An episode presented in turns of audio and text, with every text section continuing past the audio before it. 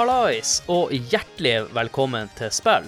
Mitt navn er Adrian Haugen, og skal lede dere gjennom denne episoden. Dette er jo en episode vi kan anse som en fortsettelse på en gammel episode, hvor vi snakker om Mass Effect 1. Og jeg tror det faktisk var episode 6 av Sidelinja. Den ble i hvert fall spilt inn i 2019, så det er jo på tide med en ny Mass Effect-episode.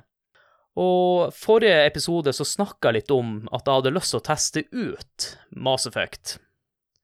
Og 14. mai 2021 så ble det jo en mulighet for meg å spille de her spillene, når eh, Mass Effect eh, Legendary Edition ble sluppet ut. Jeg satte meg jo i gang med å starte på denne eh, Mass Effect Legendary Edition i august, og ble helt frelst av eneren, og hoppa rett over på toeren. Men jeg har jo brukt litt lengre tid på toeren, så jeg ble akkurat ferdig nå i helga. Og for dere som hører på, så er det ca. Ja, ei uke ekstra, da. Så nå er jeg endelig klar for å snakke om Mass Effect 2. Og jeg har med meg to gjester på denne episoden. Den første gjesten var også med i Mass Effect 1-episoden. Og hjertelig velkommen tilbake, Ralf, Numla... Ralf William Numelin fra eh, Sidelinja. Jo takk, jo takk. Um, det var jo en spillepisode, mener jeg å huske.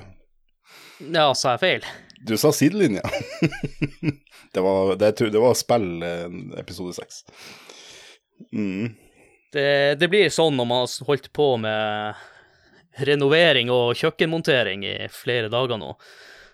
Og så, og jeg, du vet, jeg må jo alltid dra oss ut på glattisen. Var det da jeg var i et eller annet jævla land? Nei, det var under Secret of Mana-episoden. Ah, det var det, ja. Ok, ja. Så fint. Du var ikke i Tyskland da, det husker jeg faktisk. Ja. Og eh, du heiv deg jo også på Mass Effect Legend, Legendary Edition. Jepp. Måtte jo freshe opp. Uh, og, og, ja, det var jo verdt det. I hvert fall ena. Jeg syns de har gjort mye bra der. Ja, for meg Men vi skal ikke snakke om det i dag. Nei, men det blir nok å trekke litt fram uh, de endringene som er gjort, for jeg har jo bare spilt uh, denne nye versjonen, da, der de har gjort forbedringer på de fleste ut av de her spillene. Nå har ikke jeg starta på tre ennå, så jeg kan ikke uttale meg om det spillet. Jeg syns det er fantastisk. Jeg betalte jo fullpris for toa en gang i tida, og så betalte jeg jo for alle DLC-ene, og det er mange etter toa. Eh, og nå fikk vi alt bare for prisen av ett. så jeg blir nok å blande litt eh, hva som er DLC og ikke DLC. Men vi er ikke alene, Ralf, og neste gjest ut jeg fant ut at han var en skikkelig fan av serien når han sjøl hadde en stream. Og det er han eh, Philip Fløgstad fra Lolbua. Hjertelig velkommen tilbake. Tusen eh, takk, Adrian. Veldig hyggelig å være tilbake her i spillkretser og få lov til å nerde ut ordentlig om, eh, om noe litt mer spesifikt, istedenfor sånn som vi gjør i Lolbua, hvor det bare er møkkaprat om alt mulig rart. Så skal vi jo endelig få lov til å kose oss litt og snakke litt Mass Effect 2. Ja, jeg må bare spørre deg med en gang, eh, hva er ditt forhold til eh, Mass Effect-serien, og spesielt toa? Um, jeg har uh, vært veldig fan av BioWare så lenge de begynte å lage litt mer mainstream-spill. Jeg var med på liksom Star Wars, uh, Nights of the Old Republic, spilte Jade Empire, syntes det var sjukt fett. Uh, stor fan av sånn asiatisk slåssing og sånn. Og så kom jo Mass Effect 1 og Dragon Age, et eller annet uh, undertittel, før Mass Effect 2. Så jeg var jo ganske frelst på denne kombinasjonen av action og rollespill eh, som de på en måte Byra var veldig flinke til å, til å, få noe godt ut av. Så jeg var, eh, var godt hypa allerede på serien, og ikke minst på, på Mass Effect 2. Var det sånn at dere eh, fulgte med i nyhetene og bare trippa etter å få spille toa? Oi, helvete. Ja, ja, ja. Ja, ja, ja definitivt. det, det, var en veldig sånn groundbreaking type ting for oss som liker rollespill, eh, som jeg vet at, at Ralf her også gjør. Og, uh, det var Jeg jobba som spillanmelder i Dagbladet på den tida, og jeg husker kompisen min, eller kollegaen min, han fikk lov til å anmelde det, og jeg hang bort, litt borte hos han den uka liksom for å bare få sett litt og ja, få litt, litt inntrykk, fordi det var veldig spennende. Ja, det var jo liksom det der eh, at man, man Nå kommer det et spill som fortsette sånn som Altså fra der du spilte det. Og, og, sånn som i mitt tilfelle, så han Rex, han ble jo drept, eller jeg henretta han uh, og, i ena, og, og, det var liksom Hvordan blir dette i toa? Det blir jo helt weird, altså. Og, og så, ja det, det, Nei, det, man satt jo og trippa. Det var som å liksom den neste En eller annen stor film Ja, fordi, ja, fordi eh, BioWare og Mass Effect var veldig gode på det, og, og Eller i hvert fall lovte at de skulle være det. Og valgene du tar i spillet, det får en veldig eh, merkbar forandring i spillverdenen, og hvordan du forholder deg til andre figurer, og hvordan de forholder seg til deg og sånn. Uh, og dette er det som Ralf nevnte, hvordan her gjorde, var ikke det bare isolert i ett spill. Du dro det utover en hel trilogi, og liksom, ja, sånn som man sier, de, alle de store valgene du gjorde i eneren, hvilke konsekvenser kom det til å få i, i nummer to? Og det var jo, ja, helt up in the air. For min del så var jeg så heldig at jeg kunne hoppe rett fra eneren til toeren. Jeg var jo så nysgjerrig på hva er det som skjer videre. Jeg tror jeg rett og slett bare skal gå over og snakke om Masvek 2, men før den så vil jeg fortelle dere litt om eh, historien bak spillet, og hvordan det blir utvikla.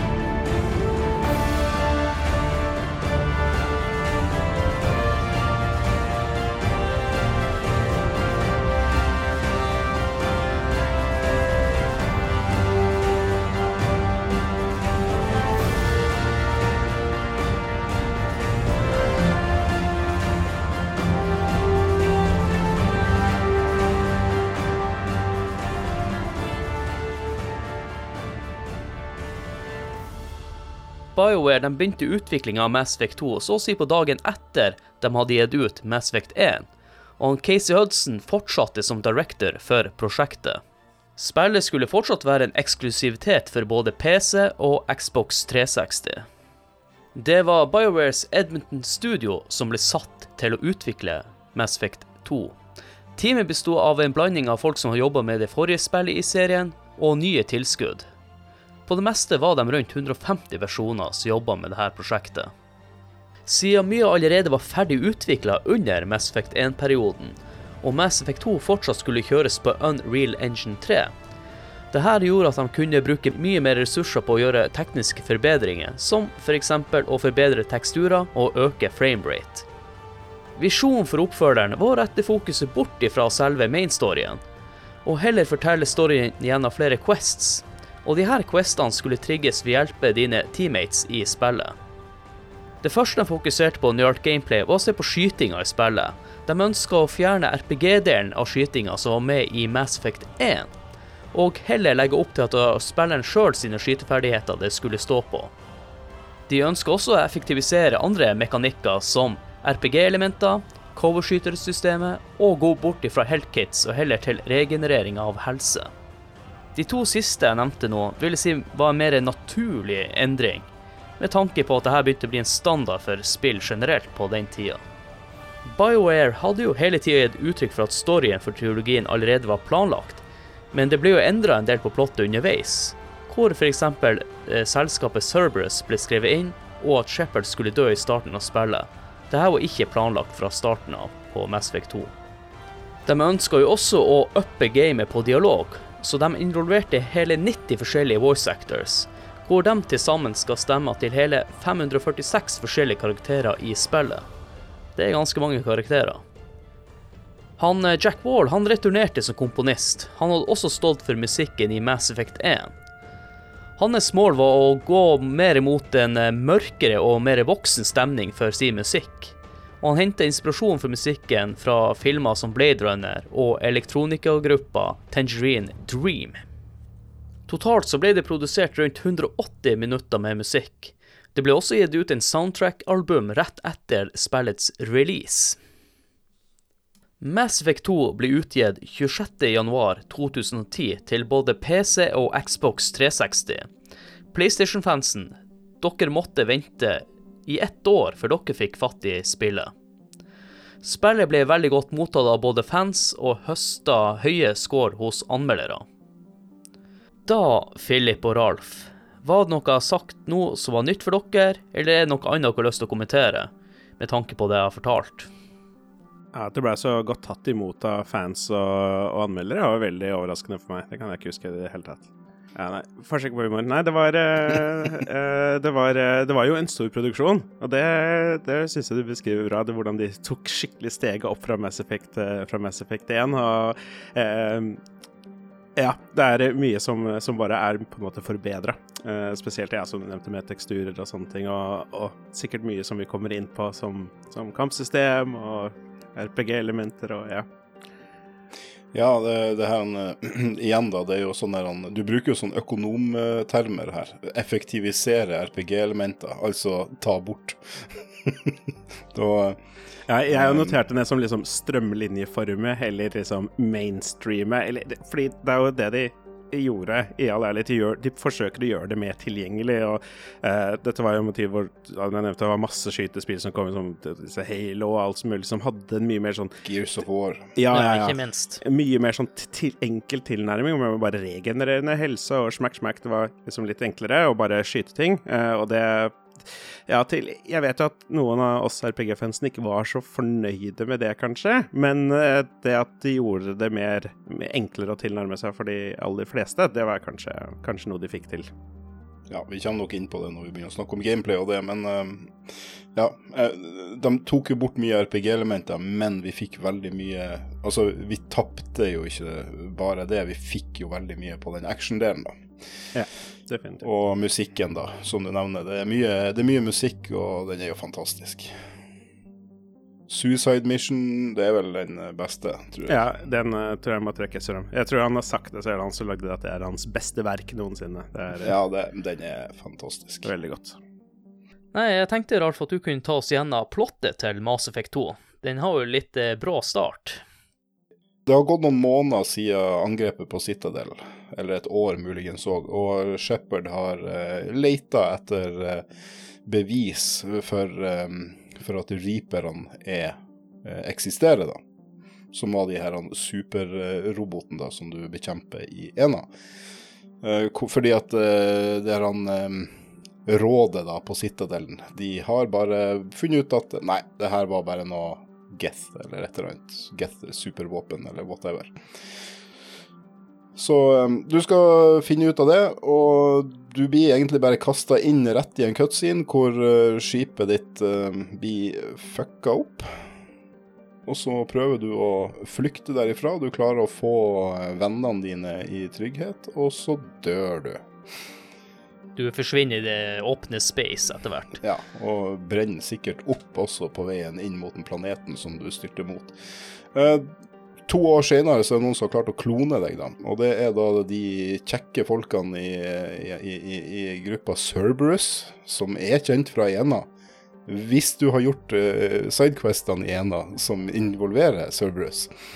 Så um, Ellers så er det, er det, godt mulig at ingen var klar over hva Cerberus var for noe. Eh, de har i hvert fall klona deg, og skal ha deg ut i verden igjen for å for at de tror på deg, at det her er en trussel mot humanity. Da. Det er jo veldig sånn, at det er jo mot menneskeheten de er redd for at, det, at det går gærent med resten av Ikke så farlig for han der sjefen, men, men, ja. Du blir i hvert fall sendt ut for, for, å bygge deg et nytt team, og skal da finne ut at reaperne eksisterer, og stoppe dem, selvfølgelig.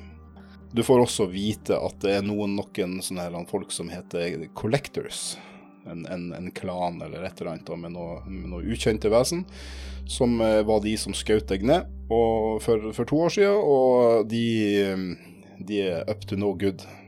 Ja, for det er det som er, er vel bakgrunnen for, for, starten av spillet, at disse kollektorene de har angrepet menneskebaser rundt omkring eh, på våre kolonier. Og så må vi ja, jage det ned og bla, bla, bla, og så finner vi ut ganske tidlig vel at de kommer gjennom en sånn Omega 4-relay, en sånn spesiell mass-relay som ingen har kommet tilbake fra, etc., etc. Så går egentlig hele spillet ut på å bare forberede seg til å hoppe gjennom den. Og finne ut hvordan du skal komme gjennom. For mange har foren gjennom den, men det er ingen som kommer tilbake. Og, og det legger jo premisset.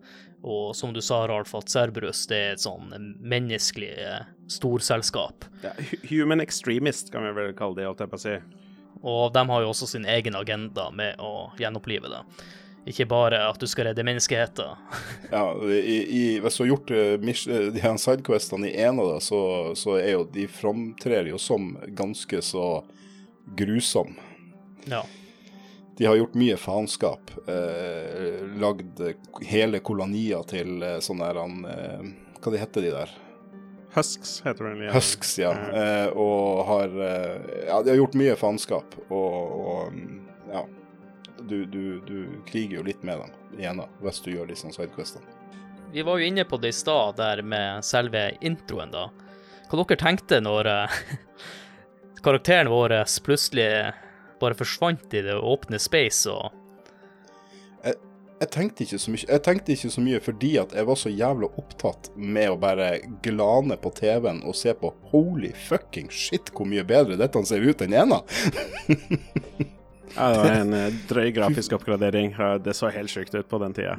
Når taket blir blåst av eh, skipet, og du må gå liksom ute der, og, og det, du, du, du hører ingenting, liksom lydene blir jo borte, akkurat som i, i verdensrommet.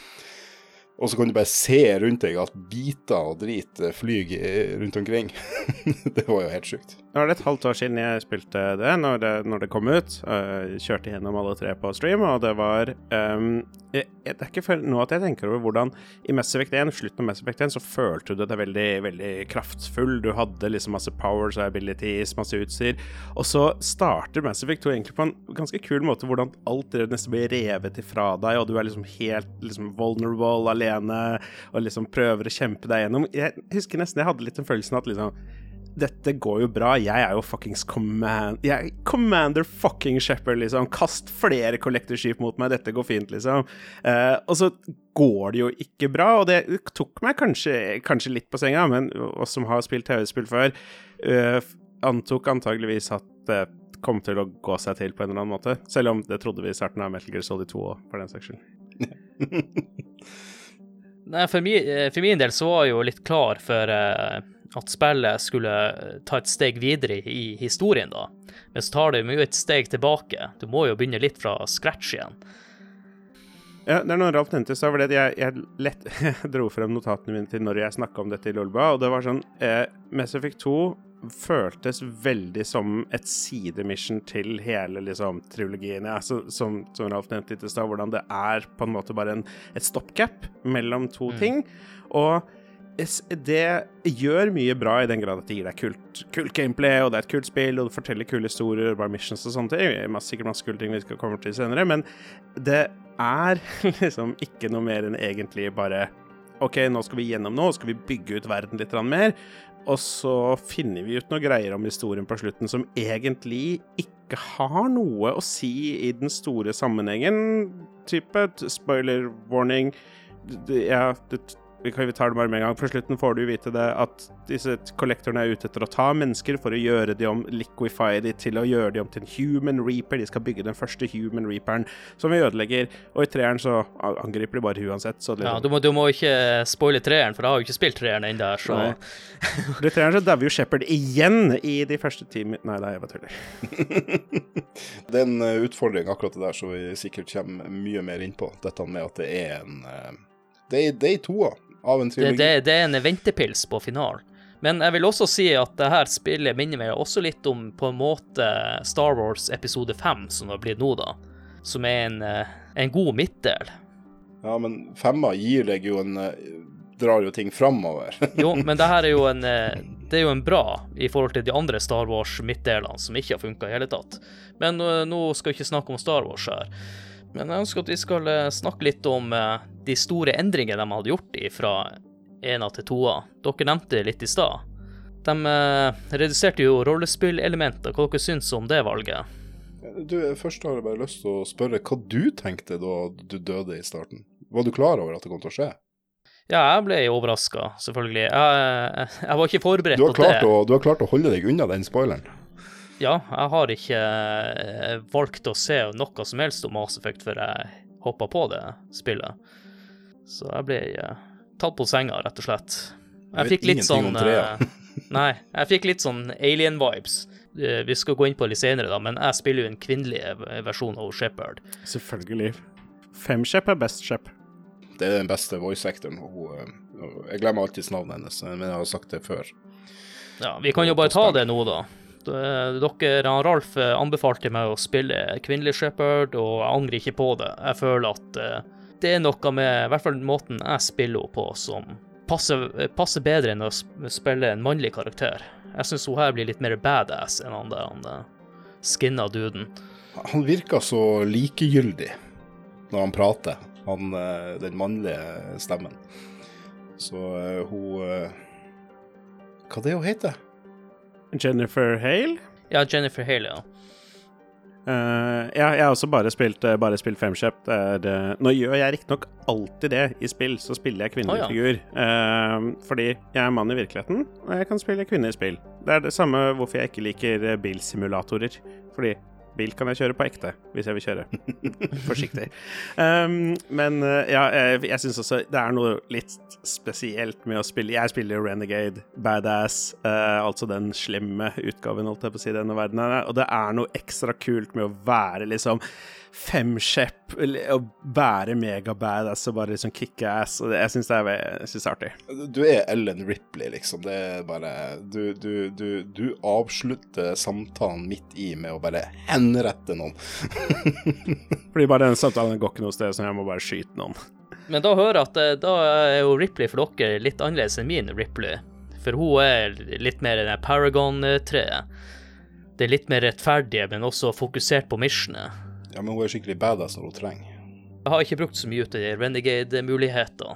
Kan jeg bare spørre om det kjapt, da? Fordi Ja. ja. dette spillet har jo da et moralsystem, snill eller slem. Uh, i- jeg føler kanskje at spillet prøver å lede deg litt for mye inn på å være snill, at liksom det er kulest Ja. å være helten. Men jeg har ikke klart å komme over den gameren i meg som vil liksom minmaxe. Så jeg har aldri liksom klart å spille en eh, hvor jeg gjør valg som figuren min ville gjort. Enten så er jeg all out snill eller all out slem. Men Adrian, har du liksom en litt mer balanse mellom det, kanskje, eller? Eh, Jeg har eh, vært mer mot Paragon-skalaen, men det er jo noen eh, sidequester Vi kan jo ta det litt senere, så ikke det går over stokk og stein her, men eh, det er noen avgjørelser tatt der har gått på Renegade-sida, Mm, men stort sett på eh, den positive sida. Men eh, det kan vi snakke om litt når vi skal gå litt nærmere inn på de medhjelperne som jeg nevnte innledningsvis her. Men tilbake til rollespillelementet. Hva dere syns om at de eh, reduserte det, også med tanke på hvor du kunne hive skill-poengene dine? Polly don't like that cracker.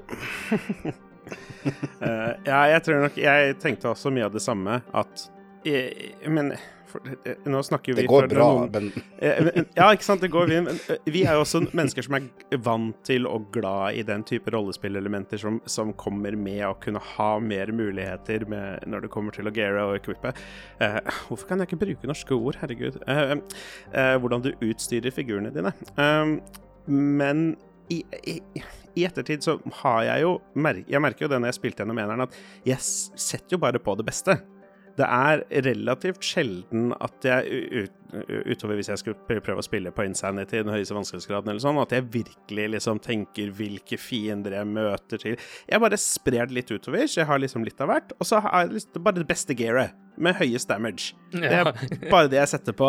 Eh, så sånn sett så mista jeg kanskje ikke, egentlig ikke så mye interaktivt gameplay ved å bare ja, eh, fjerne ammotypene og gjøre det litt enklere, siden jeg uansett bare ville valgt det med høyest tall, kanskje. det, det var jo, som sagt, vi, vi fikk så mye action og, og, og gameplayet i uh, skytinga. Det ble jo så utrolig mye bedre enn det var i ena. Så det gjorde jo opp for den, den manglende RPG-delen. Det, det er klart, det jeg savner aller mest med hele greia, det, jo, det var jo um, Mako? Ja, Makoen.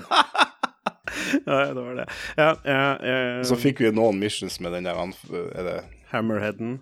Hammerheaden, ja. Det var jo sånn For det er jo interessant når du nevner det, for der gjorde de jo store endringer. Nå har ikke jeg spilt det originale, jeg skjønner jo at den tanksen opererte på en helt annen måte. Jeg husker jeg så der Alf spille, der han havna på taket og du satt deg fast og du måtte bare slå av maskinen fordi at du Ja. kom deg aldri på hjulene igjen. Så jeg hadde jo ikke det problemet når jeg spilte gjennom Mass Effect 1 nå. Jeg savna jo den biten, og eh, jeg må bare nevne også at når jeg spilte gjennom nå, så gikk jeg gjennom alle solsystemene, tok alt på 100 og yeah. tok alt av Sidequest og alt det der der. Så det gikk ei stund med skanning, og det ga lite. Ja, den, den Jeg tar heller å kjøre rundt eh, litt sånn eh, etter noen prikker på kartet med Makoen enn å, enn å eh, drive med all den skanninga. For det, det ble gammelt fort. Jeg likte også den måten du kunne fighte med på tanksen, for det er kanskje litt mer Nå har ikke jeg vært i Afghanistan, men jeg vet jo at eh, når de kriger, så kriger de over lange avstander.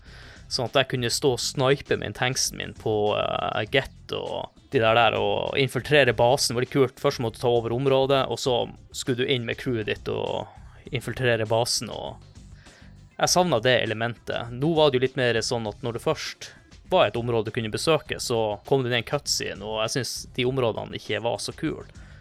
Du så de har gjort litt mindre arbeid med de områdene på planetene i forhold til vanlige missions. Ja, det der han, er anomaly detected. Ja. Men eh, når det er sagt, så var jo også de basene i Mass Effect 1 identiske. Ja, de, de var jo, designet var jo likt på alt. Det jeg også tenker litt, at det var en litt annen type eh, måte å utforske verden på, som var mye mindre av det i Mass Effect enkelt og greit fordi de hadde kutta ut denne makoen. Og eh, ja, si hva du vil om den var ikke perfekt, men å fjerne den helt og erstatte den med ja, planet scanning, som i og for seg bare eh, man gjør jo alt fordi det er tall, og man vil ha det til 100 liksom, og man er dum i huet. Men, eh, men det er jo ufattelig kjedelig og utrolig lite interaktivt.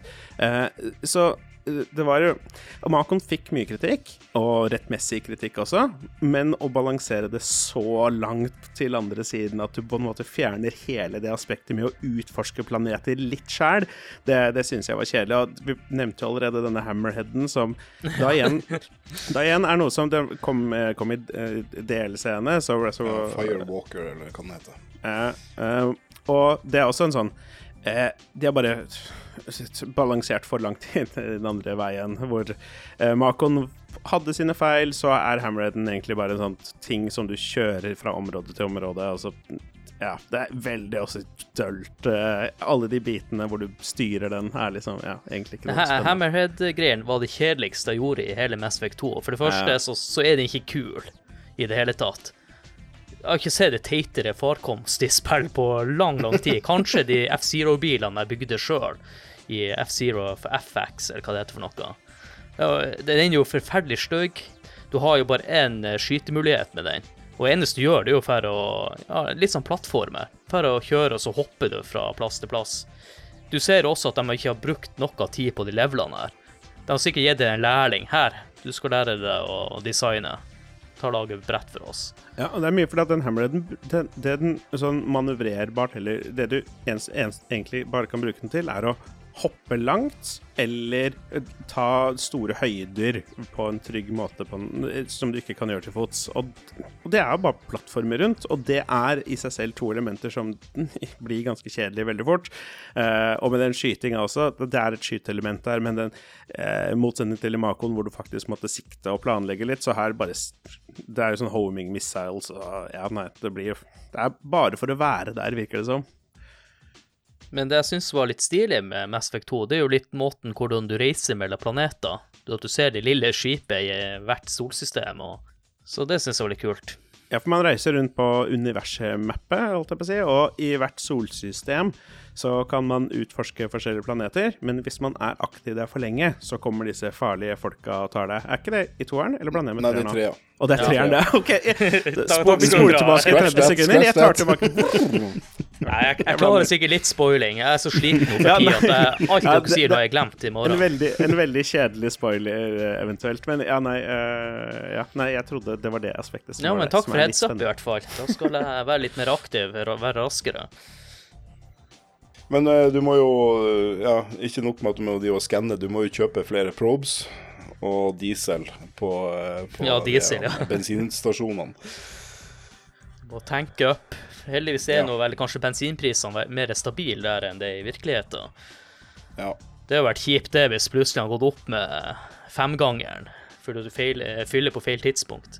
Det er også en sånn mekanikk som bare er der for å være der. Det er relativt man, Kanskje man planlegger bitte litt rundt det noen ganger, men det er relativt sjelden at liksom Å nei, å, jeg går tom for gass, eller nå har jeg ikke mer probes, jeg må kjøre tilbake og hente nye, på en måte. Ja. Men hva skjer hvis du går tom for gas, da? I Bella 2 Nei, solsystem? du blir sendt til nærmeste mass relay. OK. Ja, men da er du kjedelig. Jeg hadde jo håpa at du det er jo liksom hva er poenget med det? Ja, men da har du i hvert fall ikke noe poeng. Da kan, kan jo hende at det er raskere for deg å bare gå tom. ja, Om jeg ikke tar helt feil, da. Det hadde vært mye kulere hvis du er game over. det. Nei, jeg syns det er rart du må drive og fylle diesel i, i toa. Det var aldri et eh, konsept at de romskipene trengte å fylles opp i ena. Nei, det er jo en annen forandring fra, fra eneren. Litt som, som med våpen. Hvor i eneren så hadde du forskjellige typer ammunisjon, også energy packs eller noe sånt, jeg husker ikke helt. Ja, du, du hadde ikke ammunisjon i av det- Den ble jo overheata bare, var det ikke sånt?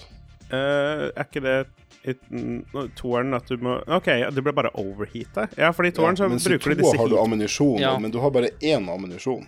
Ja, riktig, men det er forskjellige ammunisjonstyper, men det har ikke noe å si utover å liksom heate opp våpenet ditt. Mens i toeren så er det disse heatpacksene som man Ja. bytter inn og ut. Ja. Mm. Som- Så en ena, da må du bare skyte, og så må du stoppe å skyte før det blir overheata, eller så må du vente. Det blir som å gjemme våpenet i Gears of War. Det tar lengre tid før du får lov til å skyte på nytt. Eh, Vi var jo inne, innom på det i stad, det med vår Shepherd. Vi må jo snakke litt om de andre medhjelperne. Ja, for det er, det, er jo det hele spillet er, handler om, egentlig. Er, jo, er jo det, fordi Bare for å ta det litt sånn kjapt, så er eh, alt det kule i spillet, alle de bra missionene, er liksom tre story missions, og så er det alle missionene hvor du rekrutterer folk. Det er liksom der 80% av arbeidet med questing og, og ting har blitt gjort. Altså, det, ja, det å samle disse medhjelperne, det er en ganske sentral del av, av egentlig hele konseptet. Og så, når du har fått dem med deg på teamet ditt, så kan du etter hvert låse opp lojalitetsmission, som igjen kan hjelpe deg litt senere i spillet, tydeligvis. Men uh, vi kan jo snakke litt om uh, noen ut av de karakterene, da. Du blir jo først kjent med Miranda og Jacob, som er to menneskelige karakterer som du ikke har eh, møtt i ena, i hvert fall.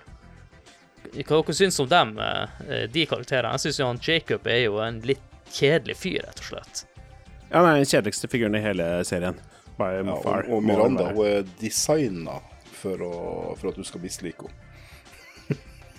Ja, men det er noe rart med animasjonene hennes også. Jeg blir liksom frika ut, for det ser ut som at hun er modellert etter et ekte menneske, men så virker hun så robotaktig. Ja, hun, hun er modellert etter et ekte menneske.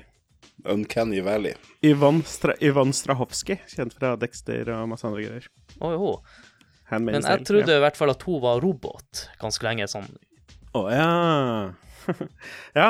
Ja, det hører jo til med liksom backstoryen hennes. Hun er jo sånn så nærme vi kommer nærmest, hvor hun er liksom genmodifisert til å bli megasmart og alt mulig. Jeg har hatt uh, all Og den vakker. Ja, ja, ja, genmodifisert til å se så bra ut som mulig fordi det vil gi henne en fordel, liksom. Eh, og det viser de jo mye ved ass-shots og boob-shots, og det er jo mye av det. Og eh, ja, så hun er jo der for å være litt, være litt uh, eye candy, samtidig som hun viser en litt sånn artig side av Cerberus, hvor hun på en måte har stolet blindt på de, og etter hvert får øynene åpnet litt til at de er litt shady og sånne ting. Og det er for så vidt litt spennende. Men det største kanskje aber har med henne, er hvordan hun le- fremstilles som denne Ice Queen, denne ubrytelige, utrolig kjipe megabitchen.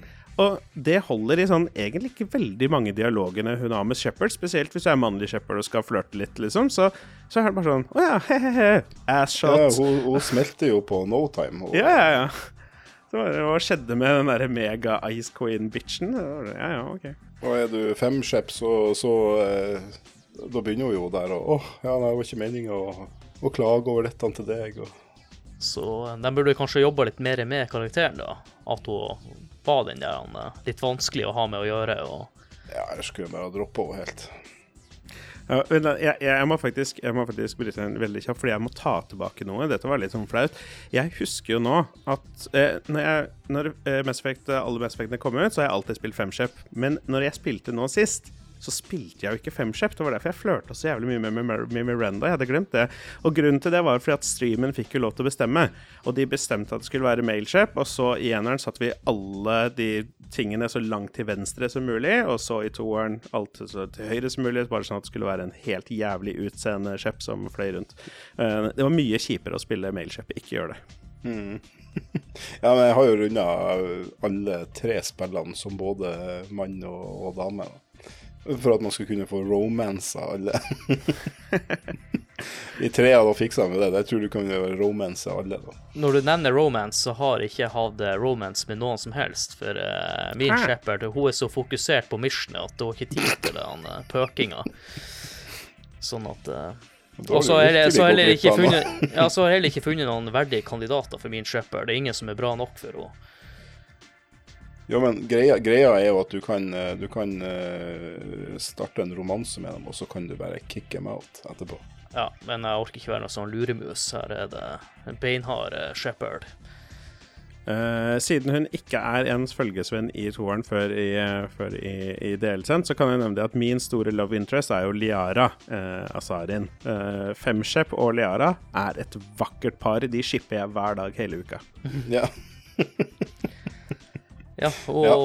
Hun, Liara hun er jo selvfølgelig ikke med i dette spillet, men du møter jo ganske fort Talia, for det er jo det første missionet blir sendt på. Mm. Ja, Tali Zora, som kommer fra eneren. Veldig artig at hun mm. dukker opp igjen og blir teammember med alt eh, som følger med, følger med, det. Og det som er litt interessant der, du blir jo også litt bedre kjent med rasen hennes gjennom en sånn rettsakt må gjennom etter hvert. Ja, du får jo besøke The Flotilla og ja, det er jo dette mm, loyalty-missionet til, eh, til Tali, og det er veldig kult å få lov til å stikke dit, spesielt etter å ha spilt eneren, hvor du, hvor dette, det, du hører mye om det, og du blir liksom snakka til og henvist til, og så besøker du det faktisk i eneren, nei, toeren, i dette ja. loyalty missionet, og får lov til å kicke litt ass eh, og sånne ting. Og det, det er et skikkelig kult mission, det liker jeg veldig godt. Og når hun sier at hun heter Talisora Vas Normandi Åh, oh, frysninger! oi, oi, oi. Eh, det som er også litt kult med det her spillet, at du blir kjent med det litt mer shady delen av universet. Og for min del så møtte jeg han Gareth på neste mission. Det var en sjukt kul introduksjon av Gareth. Ja. Gareth er jo awesome. Han, han, er bare, han er bare lagd av awesome. Ja, han er alltid i mitt crew, men jeg trodde helt i starten av missionen at han var fienden min, så jeg begynte å skyte mot han. Ja, han Archangel. Ja. Uh, han er jo teknisk sett det. Uh, og det er det som gjør hele missionen det er så sjukt fett. Hvor Gareth er en trofast følgesvenn fra en av det. Minner meg litt om uh, Har dere sett Thor Hva den heter? Ragnarok? Den morsomme? Hvor de er på Planet Hulk. Eh, nå skal jeg avsløre at jeg har ikke sett noen av Marvel-filmene. Ok, ja, det er hvor Thor møter Hulk og sier 'Hey, it's a friend from work'. Det er litt den type greia hvor, hvor liksom Å, da hørte man Archangel. Hele byen prøver å jakte han ned, men han er så sjukt rå. Og så bare sånn OK, jeg er Alle tre liksom. mafiabandene har gått sammen for å skal ta den der ene jævelen. Ja, for han er så jævlig god, og så bare OK, jeg er Shepherd, liksom. La meg ordne opp. Og så slåss det inn til oss, bare Hei, Gareth! Og så bare OK, da får vi bare teame opp og drepe alle de andre, da. For dere som hører på eh, episoden nå, så tar hun opp den eh, rekkefølgen jeg spilte spillet. Så det er ikke sikkert at han, eh, både han Ralf og han Philip her eh, valgte de her sidequestene i samme rekkefølge som meg, da. Men neste eh, karakter ut for min del var Mordin, og da ble vi kjent med Slummen. Jeg husker ikke helt hva det området heter nå. Det er noe Slummen på Omega, i hvert fall. Ja, og, ja. Samme planet, ja. For, det, ja, for å høre om denne scientisten for, som er Hva er den rasen hans heter? Et, salari? Salarians? Ja, ja, Salarians. Salarians ja. ja. Og en sånn genius scientist Salarian som driver en, eh, driver en, klinikk og prøver å rekruttere han, for han er jævlig smart. Og så ja, blir litt kjent med han. Han er jo en ny figur, uh, som for så vidt er en litt artig type. Ja, han er jo basically Mass Effect sin uh han der han Jar Jar Binks? Nei. Nei, Q i Jeg tenkte på sånn Q i, uh, i James Bond. Nei, jeg tenker jeg, Hver gang han, så tenker jeg bare på uh, Herregud, nå Nerdeserien på TV. Å ja. Eh, han, han Sheldon Cooper. Sheldon, ja. Sheldon Cooper. Jeg var, jeg var inne på tanken jeg, nå, når du sier det. Han er dritsmart, tar ikke alt av, alt av inputs og Han, han leser en ikke rommet. En Sheldon Cooper som også er Navy Seal. Ja. Ja. Der har vi Det den. er jo um, Ja, det, det, han er jo en sånn uh, Salarian som Special Forces. De har jo jævlig bra militære, de Salarians, selv om de er squishes. ja. Er det ikke sånn at de har, lever ikke så lenge heller? Nei. Jeg tror de har bare sånn det, Jeg tror det, står om det i ena, så jeg husker ikke hva det var. Men det kan hende at sånn, de lever ikke til å bli mer enn 50-60 år eller. Eh, denne figuren i seg selv fremstår egentlig ikke særlig viktig eller spennende for noe særlig. Han åpner opp en del sånn Å, nå kan vi forske på nye ting, og det er for så vidt litt kult. Eh, men det sier med han er hvordan det senere kommer frem at han har spilt en veldig viktig rolle i dette plottelementet som er veldig viktig i både Mass Effect 1, 2 og 3 for den saks skyld. Hvordan disse Krogans, de fæle megakrigerne, hvordan de formerer seg som kaniner og over, vil ta over universet hvis de får lov til å fortsette på samme måten. Så disse Salarians introduserte en, en type antifødebarn-ting i de. Ja. Ja, den Genophage, som den heter, den, de har jo de, Altså, Salarians de står jo bak mye dirty dritt i, i universet. De Da, da den der han um, eh, Racknai-krigen starta, så var det jo altså Racknais eh, og, og Salarians som, som, som, som slåss. Og Salarians de for og fant Krogans og bare fikk dem liksom opp på, eh, på eh, universnivå, da. Og gira dem opp med romskip og you name it. Og, og, og da hadde de jo en uendelig stor hær som de da kunne Kaste mot kvitte seg med, med Reknais. Ja, og, og det det Og så med etterpå så skulle de ja, ikke utslette dem, men sørge for at de ikke ble så mange. så eh, de fleste Krogans er sterile fra fødsel. Når du nevner Krogan, så var jo nestemann ut i, i mitt mission da, var jo han Grunt. Men det morsomme med han Grunt Jeg venta bra mange timer på å vekke han til live, for jeg tenkte at den her var sånn en eh, løs kanon. Så ja, på et tidspunkt så hadde jeg jo glemt av hele karakteren, så han sto nå nede i kjelleren der på is i, i en god del timer. For Grunt reddes jo når du besøker denne Krogan-planeten, så, og så får du vite at å, denne Science, Du skal jo egentlig rekruttere en annen fyr, en sånn Science, Krogan scientist, eh, men han utvikler et våpen, og han dauer, så du tar med deg dette våpenet som er der en tank med en purebred Krogan, et eller annet, et eller annet. Og Han en, heter et eller annet O'Keer eller noe sånt. ja, Dr. O'Keer. Dr. Ja. Stemmer det, ja, ja. Eh, som da er liksom deres måte å bekjempe denne genophagen, som da Mordin, som du tidligere har rekruttert, uh, var en del av å, av å utvikle. Og da, som Adrian uh, gjorde, kan du jo velge å la han ligge i tanken sin en stund, til du har baller nok til å åpne, holdt jeg på å si. Og så ja, får du rekruttert han nærmest uansett hva som skjer, tror jeg. Ja. Og du kan jo også bare la være å åpne opp tanken. Eh, men, men eh, jeg må også bare si at eh, da, når, når det her da Mordin kom, Når det kom fram det at han var med og laga Genophagen, da er jeg bare Oh, you fucking Basel. Og det var er han da som var skylda til at jeg henretta han Rex i ena. Ja. Jeg lot jo Rex leve, selvfølgelig, men, uh, Ja, han levde her òg. ja, men jeg, jeg skjønner at det kan skje, selvfølgelig. Det, det, ble, det ble noe sånn. Nå er det jo sånn at jeg er litt usikker på denne rekkefølgen, men de to siste er jeg ganske sikker på var i den rekkefølgen. Men neste person ut er jo Kazumi. Og her er jeg litt usikker på om det her er en DLC-karakter, eller om det er en eh, eh, opprinnelig karakter. Jeg nikkes det samtykke. Ja. Men uh, lytterne ser ikke at dere nikker, så da lar dere denne pinlige stillheten vare litt ekstra. Ja, Philip og ja. Ralf kan bekrefte at det var en DLC-figur. Det heter Kazumi Stolen Memory. Mm. Ja. Fordi hun er en tyv. Det morsomme med min gjennomspilling sant? Det her er første gjennomspillinga mi. Jeg visste ikke hva som var DLC noe som helst, så de her karakterene eh, ja, er fullverdige karakterer for min del, i hvert fall. Gjennom min gjennomspilling. Ja, i hvert fall Mekasumi. Den, den DLC-en kom ut sånn relativt tidlig-ish, slik at Eh, Kazumi hadde en del uh, dialoglinjer og sånne ting som på en måte utfylte karakteren hennes, litt i motsetning til en annen som vi kommer tilbake til, som også var en del C-karakter. Uh, men begge missionene til Kazumi, både da rekrutteringsmissionen hennes og lojalitetsmissionen hennes, var dritkule. Veldig annerledes enn resten av Mass Effect, men litt sånn James Bond-aktig og veldig, veldig artig. Også med veldig kul musikk. Ja.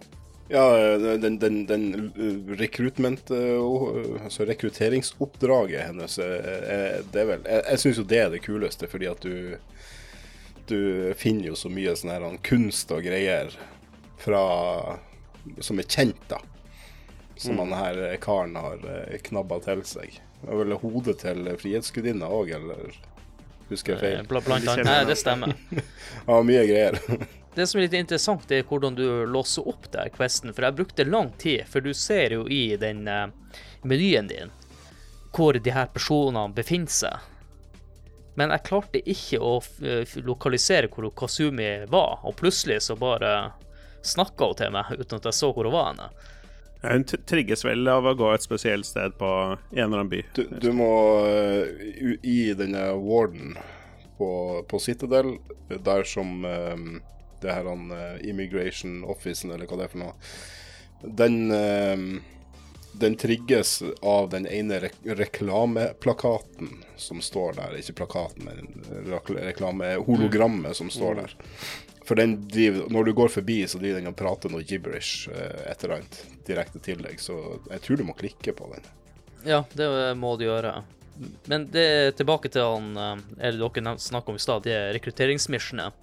Jeg fikk litt sånn Perfect Dark-vibe over eh, den questen. Jeg mm. vet ikke hvorfor, men det minner meg litt om den eh, første level, på en måte. Ikke like mye action, men det blir mye action etter hvert. Eh, jeg syns jo de questene hennes er kule, men karakteren i seg sjøl synes jeg gjør lite av seg.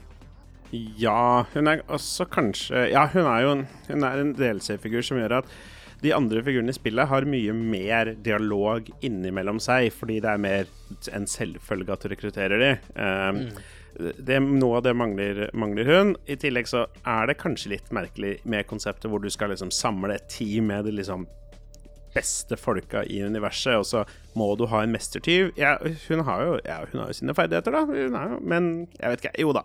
Hun, hun, er kul. Det er kult at hun er der. Ja, for neste karakter ut uh var jo litt spesiell. Jeg minner meg litt som en rebelsk tenåring. Jack. Man tror at det er mann, men det er ei dame eller jente. Jeg er litt usikker der, hvor gammel hun er. Ja, det må innrømmes at de fleste av oss som ikke har visst det noe som helst, og som spilte dette rekrutteringsmissionet hvor du skulle rekruttere en dritpowerful biotic som heter Jack, så jo for seg at det var en mann. Uh, så var det en liten spinkel jente isteden. Det var en, var en kul vri. Uh, selv om Og det er sånn som irriterer meg den dag i dag. At det er sånn I rekrutteringsministeren hennes, når du endelig møter henne for første gang, så ser du tre sånne ekstra store get-maskiner omringer henne. Og så bare hopper hun opp i været, og så bare vom, vom, vom, sender hun ut til Biotic Power, og så river hun de i filler. Og så rekrutterer du henne, og så har hun liksom shockwave og pull som er liksom ja. ja, det, det, det, det, er helt sånn. Det, tar, det drar jo all realismen ut av eller, det, det, er jo ikke noen sammenheng mellom hvordan hun er i cutscenes og så Det gjør henne litt sånn disfavør i å på en måte fremstille henne som allerede så eksepsjonell powerful, men eh, ja. Men det var litt stilig det missionet, syns jeg, at du måtte bryte det inn i et sånn eh, space-fengsel. The Rock. Det var litt The Rock. Ja, og denne, space. Og denne Jack har jo da blitt uh, eksperimentert på av Cerberus, som ikke tar helt feil. Fra ja. hun da er ganske ung fordi de fant ut at hun hadde kjempesterke biotic powers og sånne ting. Og nå rekrutterer du henne tilbake. Og hun er jo da, ja, som Dere var inne på en liksom, rebelsk tenåring, veldig rappkjefta, eh, kjører sitt eget løp, bla, bla, bla. Hun er den eneste som jeg faktisk har dårlig samvittighet for å romansere. Uh, Ja, ja. Og du utnytta ei sårbar eh, ja for du kan, eh, du kan utnytte henne mm. veldig tidlig. Ja, og, og det er litt sånn stilig, eh, fordi jeg tror både jeg og Ralf har vært inne på den at vi flørter med alle for å se hva som er mulig å liksom flørte med, og hva som skjer og sånne ting. Og eh, du, hun er jo mulig å flørte med, så du flørter med henne. Men hun er den, ja, den eneste som du kan ha bare casual sex med drittidlig. Hun bare 'er du keen på pul', liksom? Så bare si det. Og så hvis du sier ja, så bare OK, så pul dere. Og så snakker dere nesten aldri til hverandre igjen i hele spillet. Eh, men i tillegg så skikkelig Det, bare, det, er null. Det er null etter det, liksom. dritdårlig stemning, men du kan også romansere henne ordentlig. Men eh, på et tidspunkt hvor hun liksom må gjøre noen valg og sånt, så, så bare ser hun deg rett inn i øynene og så bare Du, jeg gidder ikke spille spill, liksom. Enten så er det meg eller de andre. Jeg blir såra altfor mange ganger til at liksom noe sånt nå. Og jeg liksom, da føler jeg skikkelig med henne, liksom. Men alle de andre eh, jentene er litt sånn der, og guttene for den saks skyld, liksom. Ja ja, string dialog, men Ja, for de bygger, jeg syns de gjør en utrolig bra jobb i å bygge eh, bakgrunnshistoria hennes. hun Eh, er hun tror jo at hun ble bare testa på greier, og at uh, sånn er bad, ja da. Men, um, men, men d- hennes oppfatning, eh, at det var hun som ble testa på, at hun fikk ikke være med de andre ungene osv. Uh, da hun var på det her uh, facilityen. Det er jo, viser seg jo at hun var jo den som hadde det bra. Ja, det gikk verre utover de andre som Ja, for de andre av de de testa på, når de fant noe som fungerte, så brukte de det på hun.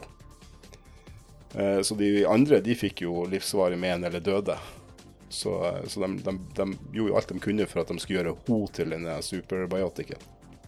Så overall en veldig kul eh, karakter. Det maker, oh ja, det maker masse sense, jeg lover ikke å si det mer. Det, det er veldig fornuftig å rekruttere henne til, eh, liksom, til hele oppdraget. Og hun er en kul figur tvers igjennom. Hun har et kult loyalty mission hvor du må sprenge denne basen som hun blei holdt på som liten.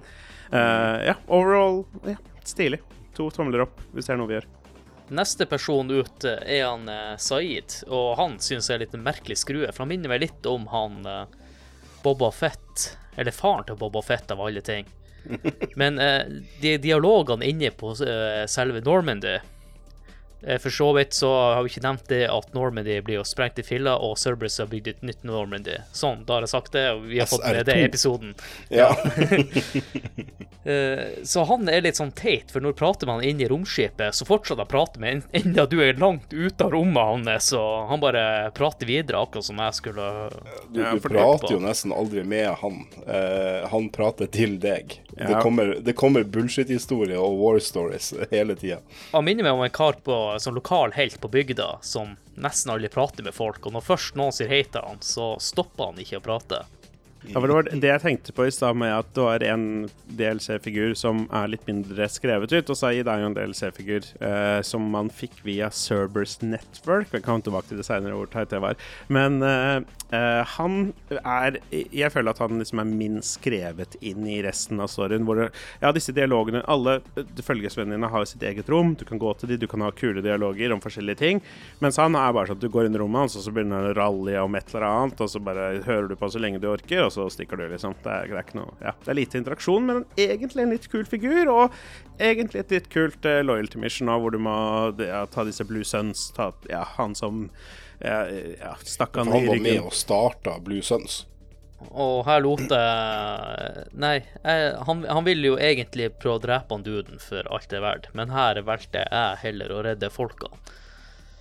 Men det var ikke her jeg var brutal, det er litt eh, senere i spillet. Ja, fordi jeg vil nevne at angående det Loyalty Miss Desire, så er en av de scenene hvor jeg føler at spillet veldig prøver å tvinge meg til å være Paragon, altså være snill eller være helten. Det spillet vil veldig gjerne at jeg skal være det, og selv om du er det, så får jo Zaid sin action hero-sekvens på slutten hvor han ja, tenner på han fyren og 'burn in hell asshole', et eller annet sånt, og går mot kamera med flammene bak seg. Ja, veldig stilig. Det skulle jo vært Yippee-ki-yay, motherfucker. Ja, det er nær- nærme.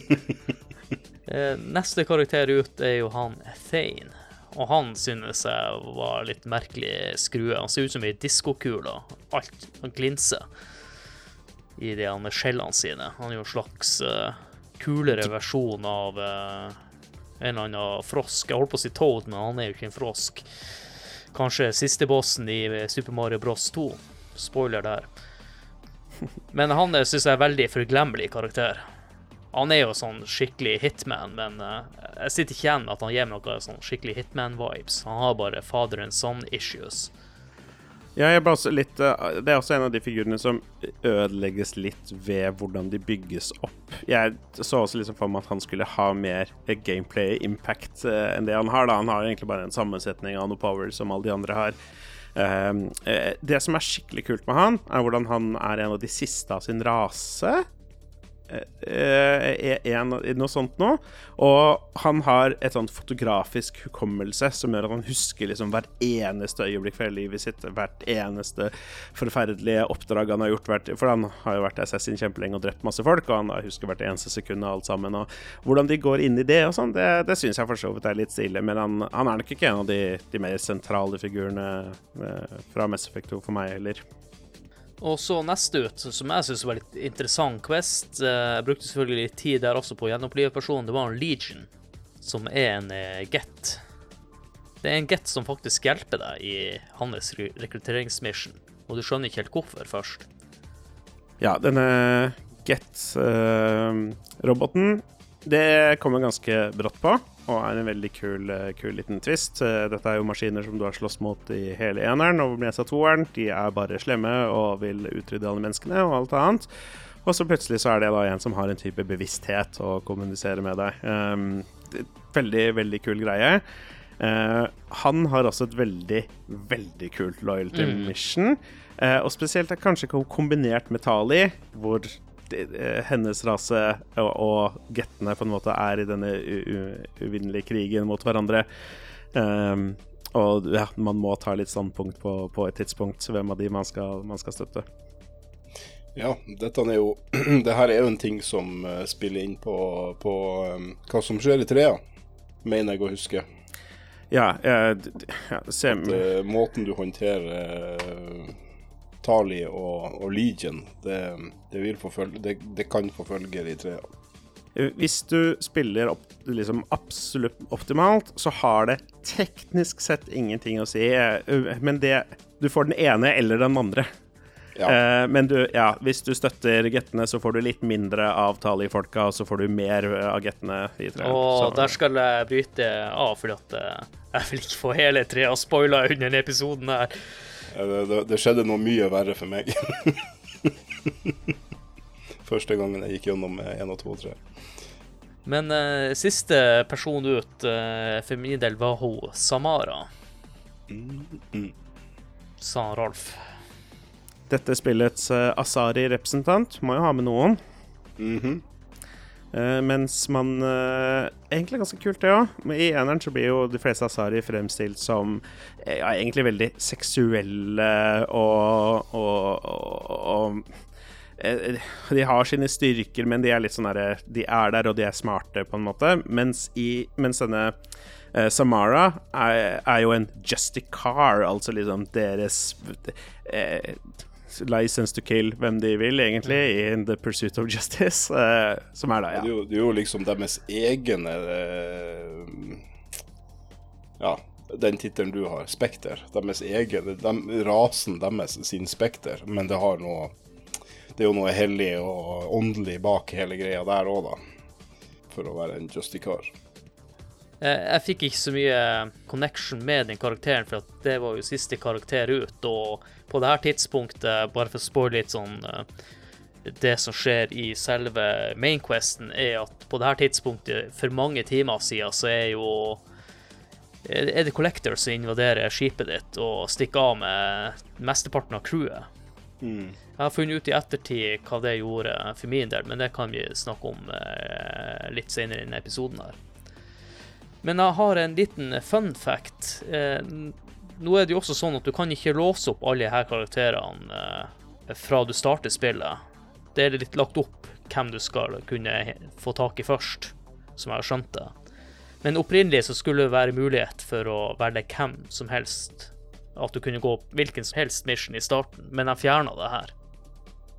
Men ut av de eh, lojalitetsquestene vi har snakket om, hva var deres favoritter? Eh, jeg syns, uh, bare for å ta det Samara som vi snakka om sist, lojalitetsmissionen hennes er jo litt stilig. Hvor du må da uh, hjelpe det, henne Det er jo det jeg skulle si, at det, Ja. det er jo et av de kuleste. Ikke sant? Så det var morsomt at det var hun vi snakka om nå sist. Du skal jakte ned dattera hennes, som er en mega-badass. Eh, Det er det du egentlig vet, at hun driver og morder og manipulerer og tar for seg der hvor hun vil. Hun tilhører en spesifikk type asari som bare er kjempeond, eller noe sånt. Veldig egoistisk også. Men det som er interessant der, som eh, Det er jo bra at dere eh, valgte å ta opp det her igjen, fordi at eh, det møtet med dattera di, det kan ja, forandre på hvem som er med i crewet ditt. Ja, det er kanskje det som gjør det missionet egentlig stiligst i seg selv. Jeg husker kanskje ikke så mye annet utover det enn det store valget som gjøres når Samara og dattera slåss mot hverandre, og de er i en typisk standstill, som jeg heller ikke vet hva er på norsk, og, de, og du kan velge å støtte en av de, og ja, avhengig av hvem du støtter, får du den på laget ditt. Jeg har nå avslørt hvem jeg støtter, og det var jo litt sånn brutalt at uh... Nei.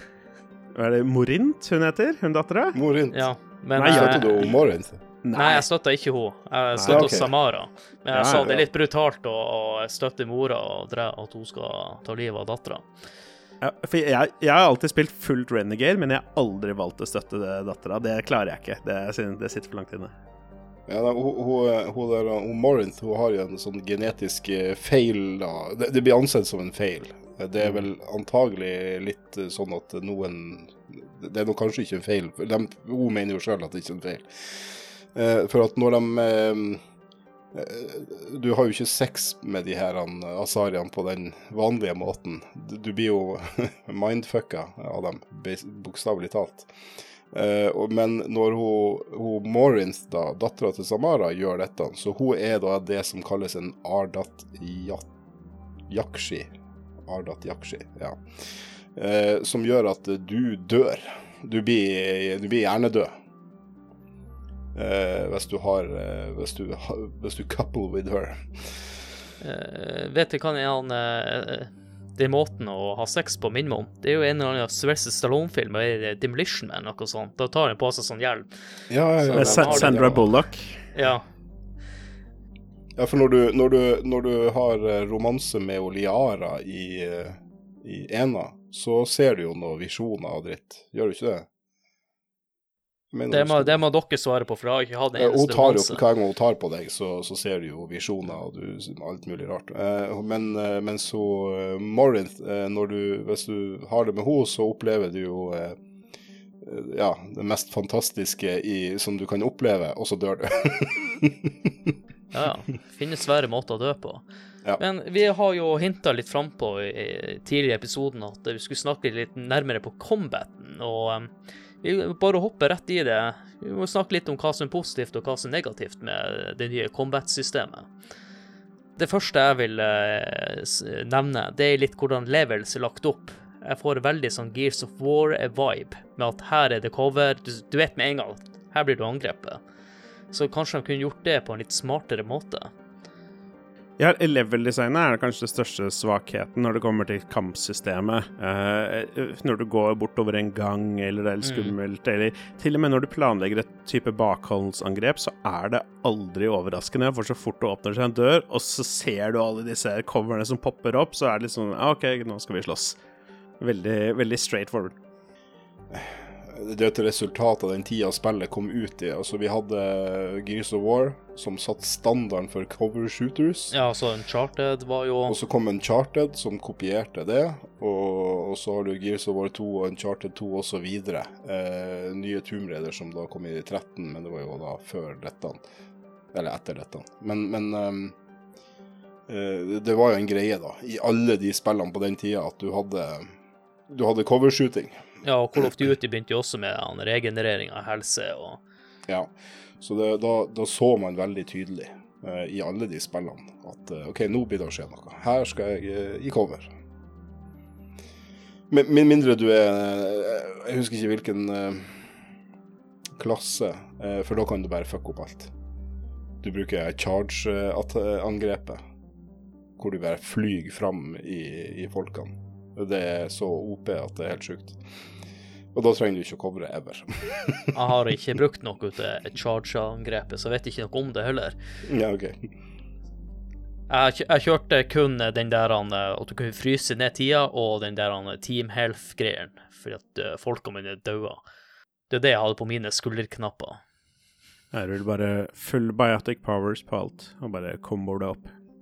Men eh, det som kanskje er det største problemet med alle coverne og sånn, er jo hvordan den beste måten å spille spillet på fra alt fra easy til insanity, er å bare sitte bak et cover, og så popper du opp, og så skyter du litt, og så går du bak igjen, regenererer helse, og for det aller meste så er det en oppskrift som funker veldig fint hele spillet.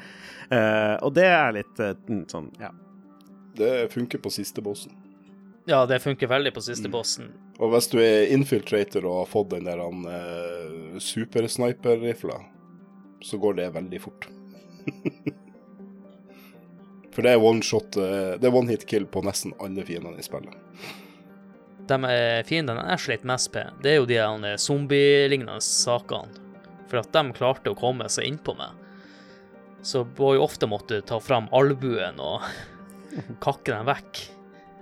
Veldig, veldig greit for meg som er det Bionic eh, med bare maks recharge eh, speed på alt, så jeg bare slenger de ut. Det går, går helt fint. Um, nå føler jeg at vi rakker ganske mye ned på combat-systemet til Mass Effect 2, men som, som vi snakka litt i stad, de, det som ble gjort fra Mass Effect 1, hvor de tok vekk RPG-elementer og sånt, det ble egentlig glemt ganske fort, og det var nok mye fordi at kampsystemet også fløt veldig godt. Eh, animasjonene er veldig gode, og lydsystemet det, det, det funker bra. Eh, og det jeg syns kanskje de gjør aller best, er hvordan de har lagt til eh, eh, flere eh, Sånn at når du sikter på en fiende, så får, du, så får den en sånn rød firkant rundt seg, som du kan bruke da til å targete forskjellige powers og sånne ting med. Eh, og det at du Det hvordan du treffer fienden med hvilke type angrep, eh, har noe å si for hvordan fiendens, eh, fienden både oppfører seg sånn animasjonsmessig, og hvordan effekter får. Det syns jeg er veldig kult. Eh, liksom, om du skyter en pull power rundt et hjørne, er på en måte Det er mulig å gjøre den type ting da, som, som eh, legges til rette ved at, eh, at kampsystemet er oppgradert med, med en sånn targeting ja, squares. Ja, skytinga er jo mye bedre. Og så var Ralf var inne på at før så ble jo I ena så blir eh, våpnene overoppheta, mens her må du eh, reloade våpenet ditt og, og telle skuddene dine på en eh, bedre måte enn i ena der du måtte ja, roe ned skytetakta di. Eh, nå skal vi huske det at altså, Du har jo spilt Legendary Edition, Ja. og de endra jo hele skytesystemet på ena. De har jo dratt skytesystemet fra toa inn i ena i Legendary Edition. Sånn at eh, når, du, så, når toa kom, da, så var det som, var det som, som gjorde at det fløyt så jævlig bra, var jo det at du Du traff jo der du sikta. Mm. Mm. Mens i, i, eh, i Mass Effect 1 så var det et RPG-element, det òg. Ja, litt sånn som gamle Fallout-spillene. Ja. Så For jeg husker det var, det var, det var mye sånn at du kunne bomme i, i, i ena. For du hadde vel en sånn siktering der, tror jeg. Du hadde ikke den crosshairen. Mens den øh, er nå i Legendary Edition. Men hvordan uh, syns vi utvalget er på fiender i det her spillet kontra eneren? Det er OK, hva kan jeg si? Det er, det er begrensa hvor mange liksom, Du kan ta ting som løper mot deg, eller ta ting som skyter på deg. Eh, men de har klart å mikse det opp greit med litt forskjellige typer raser og deres forskjellige typer styrker og svakheter. Krogans er jo alltid kjipe å møte, for du veit de kommer til å rushe opp mot deg med masse skjold og en shotgun og skyte deg i trynet. Um, og så har forskjellige typer av Blue Suns og de andre mercenary-gruppene som jeg ikke husker navnet på. De, Bloodpack. Blood, Blood og sånn, ja. ja. Som noen bruker shields, noen bruker barriers, og du må liksom Ja, noen ganger spille litt rundt de tingene. Det, det, er, litt, det er artig nok. Og ja, noen fiender har tech powers, noen har biotic powers og sånn, og det er det er ålreit nok. Og spesielt hvis du er litt heldig og klarer å kombinere litt forskjellige typer missions, så du ikke får eh, bare mennesker i, et, i over lengre periode å slåss mot. En ting jeg har reagert litt på det her spillet, også for så vidt i en av det er litt hvordan eh, medhjelperne dine fungerer. Jeg syns de var litt eh, klossete, rett og slett. Jeg følte ikke de eh, hjelpte meg så mye i skytinga. Nei, de har jo mye færre Du har mye færre utvalg av ferdigheter å bruke fra de enn eneren, om jeg husker, husker helt feil. Ja, bra mye mindre. Ja, som, som er selvfølgelig Det legger en liten demper på ting. Ja, du merker i noen missions hvor ubrukelige de dine er, spesielt på, på sånn close quarter combat og sånn. Så er det noen ting de, ja, de ikke duger, duger så godt til, for så vidt. Men igjen, jeg spiller Pure Bionics, jeg spiller liksom rundt powers, og kombinerer powers og sånne ting, og da, ja. Jeg vet ikke hva min eh, spillestil er, siden jeg kun har eh, at du kan fryse tida, og at du kan gjenopplive folkene dine. Og skyte dem i hodet. Ja, rett og slett. Men eh, når du snakker om skyting, så kan vi jo snakke litt om de forskjellige våpnene i dette spillet, og items. For jeg føler at det er litt mindre utvalg. Og eh, når jeg valgte teammates, så hata jeg å bruke de som bare hadde pistol, for dem, jeg følte ikke at de hjalp meg noe. Hvordan klasse spilte du? Det er et godt spørsmål. For klassen din avgjør jo hvilke våpen du kan bruke. OK. Ja, nå husker jeg ikke farta hva jeg valgte. Ja, Hvis du er soldat, så kan du bruke eh, Alt? Er det alt? Ja, jeg er soldat, men jeg, nå tenkte jeg på medhjelperne mine. Du og mor din og noen andre har jo kun pistolen og sånn. Jeg føler at de- er svake i enkelte Men de har jo missions. powers. Du må bare bruke powers. Sånn, altså. Det er jo kanskje der jeg er litt dårlig. Jeg lurer på om alle skal ha tilgang til to våpentyper også.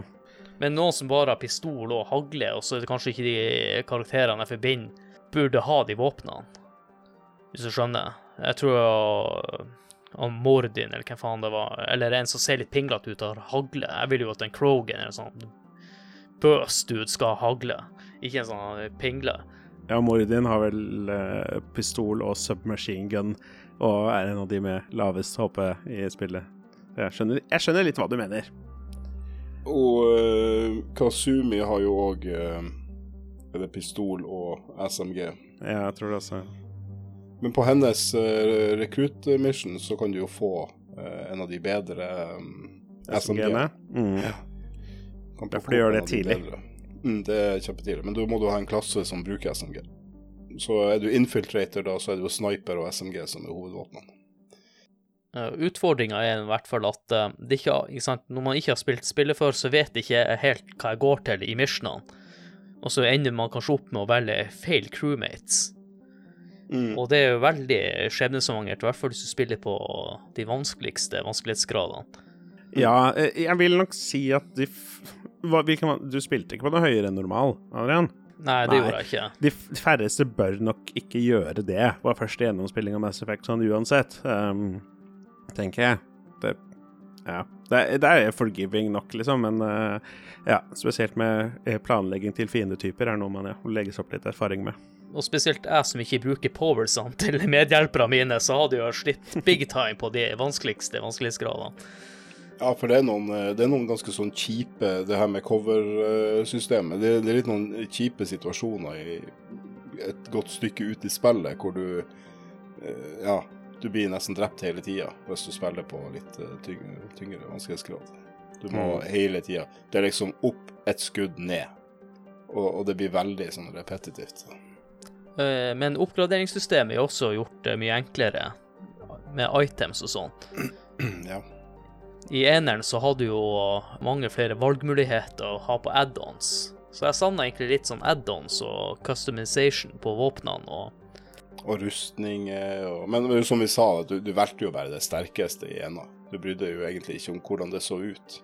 Ja, det er mye Jo, det gjorde alt ja, Men det var mye det vi sikta til når vi snakker om disse RPG-elementene som ble borte i, i, i Mass Effect 2.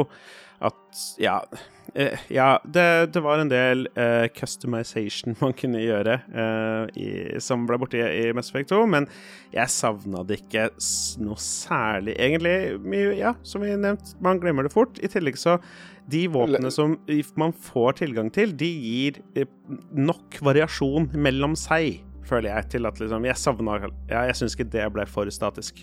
Men jeg, jeg likte level up-systemet i ena, for det var mye mer du, kunne, du hadde så mye mer du kunne oppgradere. Så det savna jeg i to, at du ikke hadde alle de mulighetene til å customize. Men nå er det jo litt spesiell case for min del, som har gått direkte fra ena til toa. Mens dere venta jo noen år for å hoppe på det her toget igjen. Så da hva skal jeg si, dere hadde kanskje glemt litt mer av hvordan ena var i forhold til toa. Ja, jeg, spilte, jeg spilte jo alle tre på rad nå, når det kommer til Jo, jo, men jeg tenker det i Den gang, 2010, da, så hadde Ja du glemt litt av hvordan ena var når du hoppa på toa, så du tenkte ikke så mye over det. Ja, jeg, jeg, jeg tenkte nok mer over det da, faktisk. For da var jeg mer grinete på liksom at hvor er alle rollespillelementene mine? Hvor er de? De har dumma det ned. Ja. Å, dumme mainstream-folka skal spille Mass Effect. La meg ha de kule spillene mine i fred. Altså, ja, glemte jeg det litt. Men det var jo et eh, bevisst valg der. De ønska jo at mm. Mass Effect skulle bli appellere mot mer mainstreamere. Jeg vet ikke om det var rundt da de også begynte sam eh, samarbeide med EA. Jo da, de var kjøpte av EA på dette tidspunktet. Så det tror jeg også er en grunn til det. Men vi har jo snakka litt om alle de sidequestene som egentlig spillet baserer seg på, men det er noen eh, få mainquests, og eh, du nevnte jo det, eh, Philip, i starten, at du har jo funnet Omega 4 Relay, da, som du skal reise gjennom. Og det som trigger at du tenker at fy faen, nå må vi bare dra, det er jo fordi at de collectors har jo stukket av med crewet ditt. Ja, for spillet er lagt opp som vi nevnte, så har man liksom fire-fem main missions, hvor du Mm. gjør liksom én eller to, og så gjør du masse andre greier hvis du ønsker det. Og på et tidspunkt så trigges det. Og åh, jeg merker det gri... Jeg, jeg cringer litt, fordi Hva er det på norsk? Åh, beklager til alle spillytterne, jeg er ubrukelig. Um, OK. Da, på, plutselig på et tidspunkt Å nei! Shepherd, skal vi bare stikke ned til et sted, da? OK. Eh, oh, mm. Hvem skal jeg ta med? Åh, og vanligvis så bestemmer jeg det liksom før jeg stikker, men oh, nå skal jeg til liksom dette stedet, liksom, så jeg, jeg tar med alle sammen, jeg. Og så velger jeg på veien, jeg. Ja, OK. Kos deg på det stedet. OK, ha det bra. Og så stikker Shepherd og liksom alle følgesvennene dine i ett, noe som da vanligvis aldri skjer i spillet, og da blir du da angrepet av collectorsene. Eh, jeg vil jo bare skyte inn hvor mye jeg hater det aspektet. At de på død og liv måtte gjøre det på den måten. La Shepherd være igjen på skipet og slåss seg gjennom ting til EDI-en, og så klarer Shepherd og følgesvennene å komme seg unna, men resten blir tatt. Du kan fortsatt ha det uten at den der semisøplete ja. Det er jo her han joker, Joka, som de sier i Japan, får eh, skinne med sine beinløse bein, på en måte. Eller han kan jo gå på dem, men det er jo porøs som bare juling. Ja, for de som ikke kjenner Mass Effect-serien, så er dette Seth Green, eh, berømt Hollywood-skuespiller som har eh, stemmen til denne Joker som er piloten på, på skipet. Jeg må bare fortelle en eh, morsom sak. da. Vi har jo noen ganger på spill noen introduksjoner, men jeg så eh, stemmeskuespillerne til det her spillet tenkte de her blir aldri å svare på min forespørsel, så jeg bare droppa det. Jeg, jeg måtte bare nevne det, derfor ikke ble noe fancy intro, i hvert fall, på denne episoden. Ja, det sparte ikke, sparte ikke på mye i produksjonen av Mass Effect 2 på generell basis, og heller ikke på voice acting. Når det begynner med Martin Sheen og litt sånne skuespillere, da skjønner, skjønner i hvert fall jeg at det blir vanskelig å nå fram til dem. Ja, for de som klør seg i hodet, Martin Sheen har da stemmen til The Elusive Man, som ble nevnt tidligere, som da er sjefen til Cerberus, og masse, masse med han å gjøre. Og for det eh, dere som ikke vet hvem Martin Sheen er, så er det faren til han eh, Charlie Sheen og han Emilio Esteves. Og for de som ikke vet hvem Martin Sheen er, og Emilio Esteves, så ja, nei. Se a Half Men. Eller Hot Shots. Og han eh, Charlie Sheen har vært i lag med hun ene James Bond-babyen Denise Richards. Ja. For de som ikke vet hvem Denise Richards er, så spilte hun i Wild Things. Men... Og i Starship Troopers, vel? Og for de som ikke vet hvem Starship er. Ja. jeg tror vi skal gi oss der, men uansett eh, det, det som ødela litt den casen her, da, for min del, det var jo at jeg fortsatt hadde mange sidequests igjen med å få tak i crewmates. Så jeg tror det i hvert fall sånn jeg funnet ut i går, da, har noe å si med hvordan eh, Når vi drar inn i Omega 4 Relay, så det er jo det som blir kjent, kjent som The Suicide Mission, da. Ja, fordi det er en, en spillmekanikk som de fleste sikkert har fått med seg, men det du, gjør i spillet rundt eh, noen ressurssamling, og for det meste loyalty missions, det gir deg type power level som du da går inn i dette suicide missionet med, og basert på noen valg du gjør, og hvilke utgangspunkt du har, så er det flere eller færre som overlever uh, den turen. Og det er jo noe jeg planla rundt når jeg spilte det sist, fordi jeg visste jo det kom. Men det uh, Ja, det må suge litt, Adrian. Fordi, ja, igjen, det trigges på et spesifikt tidspunkt når du gjør en spesifikk ting. Uh, og hvis du ikke har gjort side missions siden det, så dør flere av de som har blitt tatt kidnappa av collectorsene dine, jo lenger du venter. Og hvis du ikke venter, så hopper du inn kanskje uforberedt. Ja, og jeg spilte kanskje ti timer eller noe sånt. Ikke, kanskje ikke ti timer, men veldig lenge, eller brukte veldig lang tid etter det. Og det ødela egentlig litt for storytellinga for min del. For noe sånt skjer egentlig, så det er sånn Vi må bare følge etter. Så jeg syns de kunne lagt det der opp på en annen måte. Det kunne blitt trigga på en annen måte. Ja, det blir jo trigga, det blir jo trigga etter at du har fått uh, Legion sin uh, loyalty quest.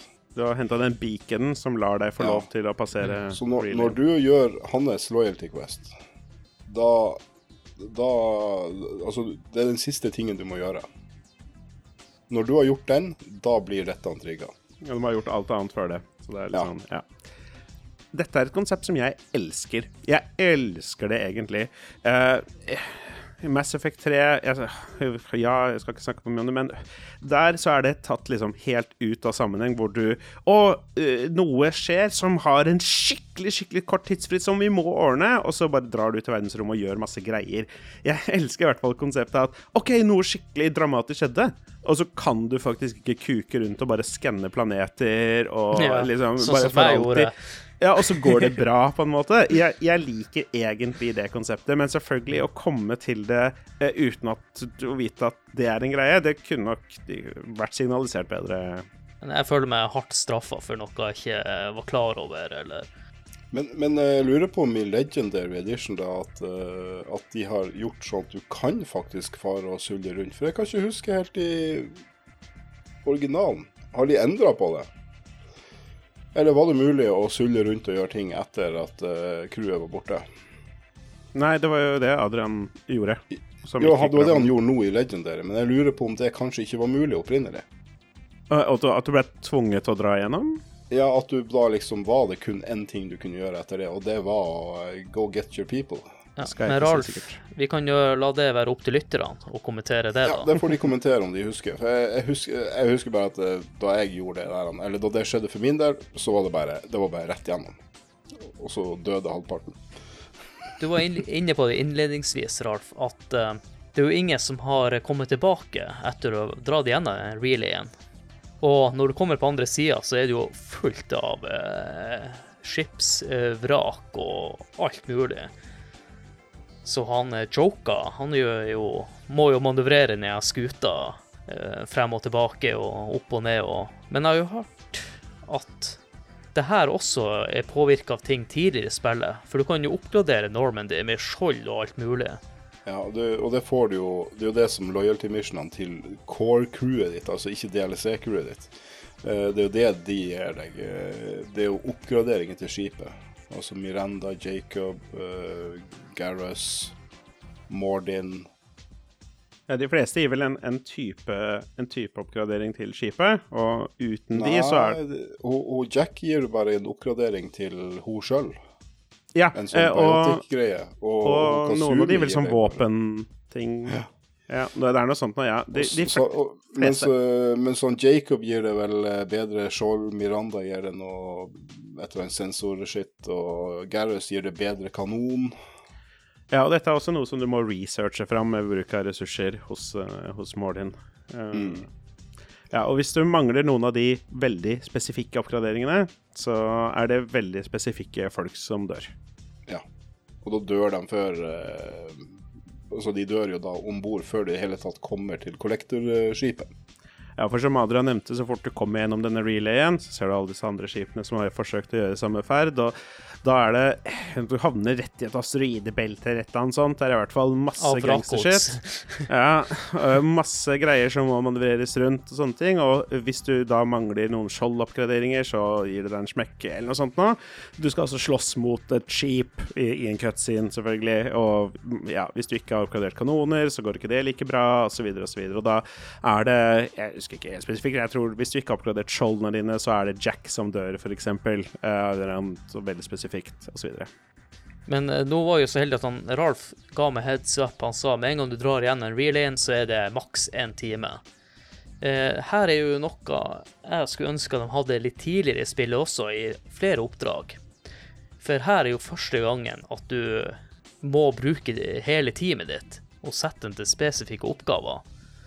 Og hvem du velger å sette i de spesifikke oppgavene, har jo også noe å si på ja, rett og slett hvem som får være med videre, og hvem som ikke får være med videre i denne triologien, da, og siste spillet. Ja, her også spiller lojalitet en stor rolle. Nå gikk jo jeg inn med full lojalitet, da, og jeg kan jo avsløre med en gang at uh, ingen av mine folk døde. Ralf spurte hvem som døde, og jeg svarte at uh, alle crewmatesen mine døde uten at én, da. Men det skyldes jo andre ting. Fordi De som lurer nå på på at om Adrian redda alle eller egentlig ikke Det som uh, Alle dine skip, eh, de på skipet ditt er jo da kidnappa av collectorsene, og det første du gjør, er å redde de. Og basert på hvor lang tid du har brukt på å komme dit, så er det én som så vidt overlever, eller alle. Uh, ja, og de gikk vel ad undas da for Adrian, tenker jeg. Ja, da mista du hun um, Yoman Chambers. Å ja, ja. Kelly. Kelly Nei, Chambers, ja. Som, eh, som eh, også er en eh, sånn casual romance du kan ha. Skal på besøk i lugaren hun nå. Hun ja, og etter at du har gjort Suicide Mission, så uh, får du virkelig besøk på lugaren. Men jeg tror også jeg har vært litt heldig i hvem jeg har valgt til å gjøre de spesifikke oppgavene. Men jeg syns også de oppgavene sa seg litt sjøl hvem du bør velge. Ja, for det meste så gjør det det. Eh, etter å ha reddet disse, disse eh, crewmatene dine, så slåss du deg innover i dette skipet for å ja, runde spillet og ta siste bossen. Eh, og da må du velge Det første er vel at du må velge en tech-spesialist som må krype seg gjennom noen ganger og komme til et sted og hacke seg inn, og så, ja. I tillegg så må du velge et fireteam nummer to, og hvem som skal lede det. Og så leder du ett selv. Der får du noen valg. Du kan vel velge nesten Du kan velge hvem som helst, Ja. tror jeg, men spillet legger litt opp til at hei, få hva med meg? Du kan, jeg er flink til dette, og du vet Mm. jo at både Tali og Legion er veldig gode på tech-greier. Og jeg tenkte at nei, Legion klarer jo ikke å snike seg gjennom de greiene, så jeg valgte Tali. Det gikk jo kjempebra. Um, eh, her, er, eh, her er kanskje en ting som jeg reagerer litt på, fordi Miranda, hun foreslår seg selv til å være teamleader, og det er vel sagt også på liksom, skipet av en av de andre at ingen stoler på Miranda, egentlig. Alle syns hun egentlig er jævla kjip. Eh, men hvis du velger den som squad leader, og hun har lojalitet, så går det helt fint, det. Jeg tror hun jeg valgte. Jeg tenkte ja ja, du har meldt deg frivillig her, så bare vis hva du duger til. Jeg ville vel egentlig velge Gareth, eh, men eh, der også er det en sånn Men han var jo teit- mitt party. Han er jo min Ja, ja, selvfølgelig. selvfølgelig. Men der også er det en sånn veldig teit greie hvor hvis du velger en tech-spesialist som har lojalitet, men du velger en fire squad-leader som ikke har lojalitet, så dør tech-spesialisten din automatisk. Og det er ikke det at Jeg syns det er greit å, liksom, å straffe deg for å gjøre feil valg, men det er litt, kanskje litt merkelig at hun Du- du som straffer det rette blir dårlig Ja, at liksom hun som hacker blir dårligere til å hacke, eller at fienden klarer å headshotte bare fordi du har valgt en dårlig fire squad-leader på den. Jeg vet ikke helt, jeg. Ja. Ja, jeg er litt enig der at du blir straffa på litt feil måte. Bør heller være det dårlige valget du gjorde. ja, du kommer deg i hvert fall trygt eh, nok eh, igjennom i første omgang, i hvert fall. Ja, Vi trenger ikke å gå inn på alle de her elementene, men du må ta noen valg. og Enten bomme på valgene, eller tar du rette valg. Det valget om hvem som skal følge de overlevende eh, av crewet ditt tilbake, den, den, er, den er helt likegyldig. Den, den personen overlever. Ferdig. Ja, Samtidig som det ikke er helt likegyldig. Og jeg vet ikke at han egentlig ikke ville snakke om det, men vi går inn på det likevel. Eh, du, må velge en å sende tilbake med crewet ditt, og så må du velge en til å være en sånn biotic-greie. Og på et tidspunkt så er det noen som Du velger ut noen til å kjempe sammen med deg, og de andre skal hold the line. Og de ja. som skal hold the line, de har en power eh, stat, stat hver, og den må være x antall høy for at ingen av de skal daue. Og derfor er det best å sende Mordin tilbake med sammen med de folka, fordi han overlever uansett, og han har lav lave stats. Eller, eller han uh, Jacob. Jacob, ja. ja. Uforglemmelig fyren. Ja. Ikke han jeg ville tatt med meg på uh, vorspiel eller nachspiel, for den saks skyld. Han har ikke mye å bidra med. Det er han som sitter og napper en øl og svarer at han uh... Jeg skulle nå vært på jobb isteden. Han er jo sånn han skikkelig sånn der at uh, Altså Miranda og, og, Jack kaller dem jo for eh, Det er jo liksom Hun har jo noen fine kallenavn på dem. Hun sier jo Miranda er jo sånn cold uh, Cerberus bitch eller et eller annet, og han, ja, han Jacob han er jo bare en idiot som tror på alt. Ja, han er veldig naiv. Men uh, siste bossen Vi kan jo snakke litt fort med han. Det første jeg tenkte på da jeg så siste bossen, det er en boss i Super Probotector. For mm. dere andre som eh, ikke anerkjenner Probotector, så er det kontra til Super Nintendo. Der har du en sånn svær eh, skjelettrobot, på en måte. Og som du nevnte tidligere, Philip, der man bruker noe holdt på å si menneskevæske, men det er vel ikke lov til å si flytende mennesker eller noe sånt, å drive den menneskelige reaper-formen, eh, som egentlig ikke har noe å si for hovedplottet, som skjønner. Ja, som da er jo at reaperne er megaslemme og vil drepe alle, og de har en form, og ja, poenget med toeren da at de vil lage en human reaper, og, ja, som vi ødelegger. Men det som jeg, dere, tenker, dere må ikke svare på det. Eller jeg vil ikke dere skal svare på det. Det er jo at Du får et valg etterpå om du vil at denne rombasen skal bestå eller ikke. Og jeg, jeg gjorde som Ripley. Hun sprenger jo tingen til helvete. Akkurat som i Alien. Ja. Det er jo, som vi nevnte i stad, det er masse valg du gjør i Mass Effect 1 som blir over i Mass Effect 2. På samme måte som du gjør valg her, som da åpenbart blir med videre jeg hadde, når jeg gikk inn i West Effect 3, én save hvor jeg hadde gjort hver av tingene, for jeg var, ikke, jeg, jeg var, var for usikker. Mm. Ja, for når, eh, når, du tar vare på basen Ja, det ja, Jeg valgte ikke det valget, men du kan jo fortelle hvis du så lenge ikke spoiler trea. Ja, jeg vet ikke om det er mulig uten å spoile treeren. Det, det, nei, det, det, har innvirkning på treeren, på en eller annen måte. Ja. ok, så, så, begge valgene har innvirkning på treeren. Vi kan jo stoppe der. Ja, du Altså, det, det igjen er problematisk å eh, prate om hvorfor ting skjer i toa. Fordi at igjen, da, det er nummer to i en trilogi, og det er det er mye som blir Sånn som det her med at de lager en Human Reaper. Da er det liksom OK, hvorfor det? Hvorfor finnes det ikke en eh, en, en eh, da en Collector Reaper, og hvorfor finnes det ikke sånn der? Du får svar på det i trea. Mm, OK. Ja, men sånn ja. som nå har jeg spilt gjennom toa nå, så syns jeg det var litt sånn OK, det Det eskalerte jo skikkelig på slutten i Mass Effect 1, og så blir det det her. Ikke sant? Jeg fikk ikke noe mer ut av det. Han Reaper og finner ut av ting og hvorfor, og det bare var et stort stopp eller ei stor vinterpølse på det som virkelig skal skje. Og så har jeg jo hørt ting om trea og skuffa fans og sånn, men som sagt, det, det, får vi snakke om i Mass Effect 3-episoden. Trea er et fantastisk spill helt til det siste kvarteret. Ja, takk for den, men eh, ja. det var allerede klar over. Så jeg tenker vi heller kan snakke litt om uh, musikken og voice-actinga i spillet. Uh, hva dere synes om uh, musikken i spillet. Vi har jo nevnt det litt tidligere at vi syns den er bedre enn en ena. Er det noe mer å si om den? Om den er bedre enn ena, vet jeg nå ikke. Den er jævlig bra. Føler vi at, de, at han klarer det han prøvde på, å få litt mer voksen preg på det, og mørkere preg? Ja, absolutt.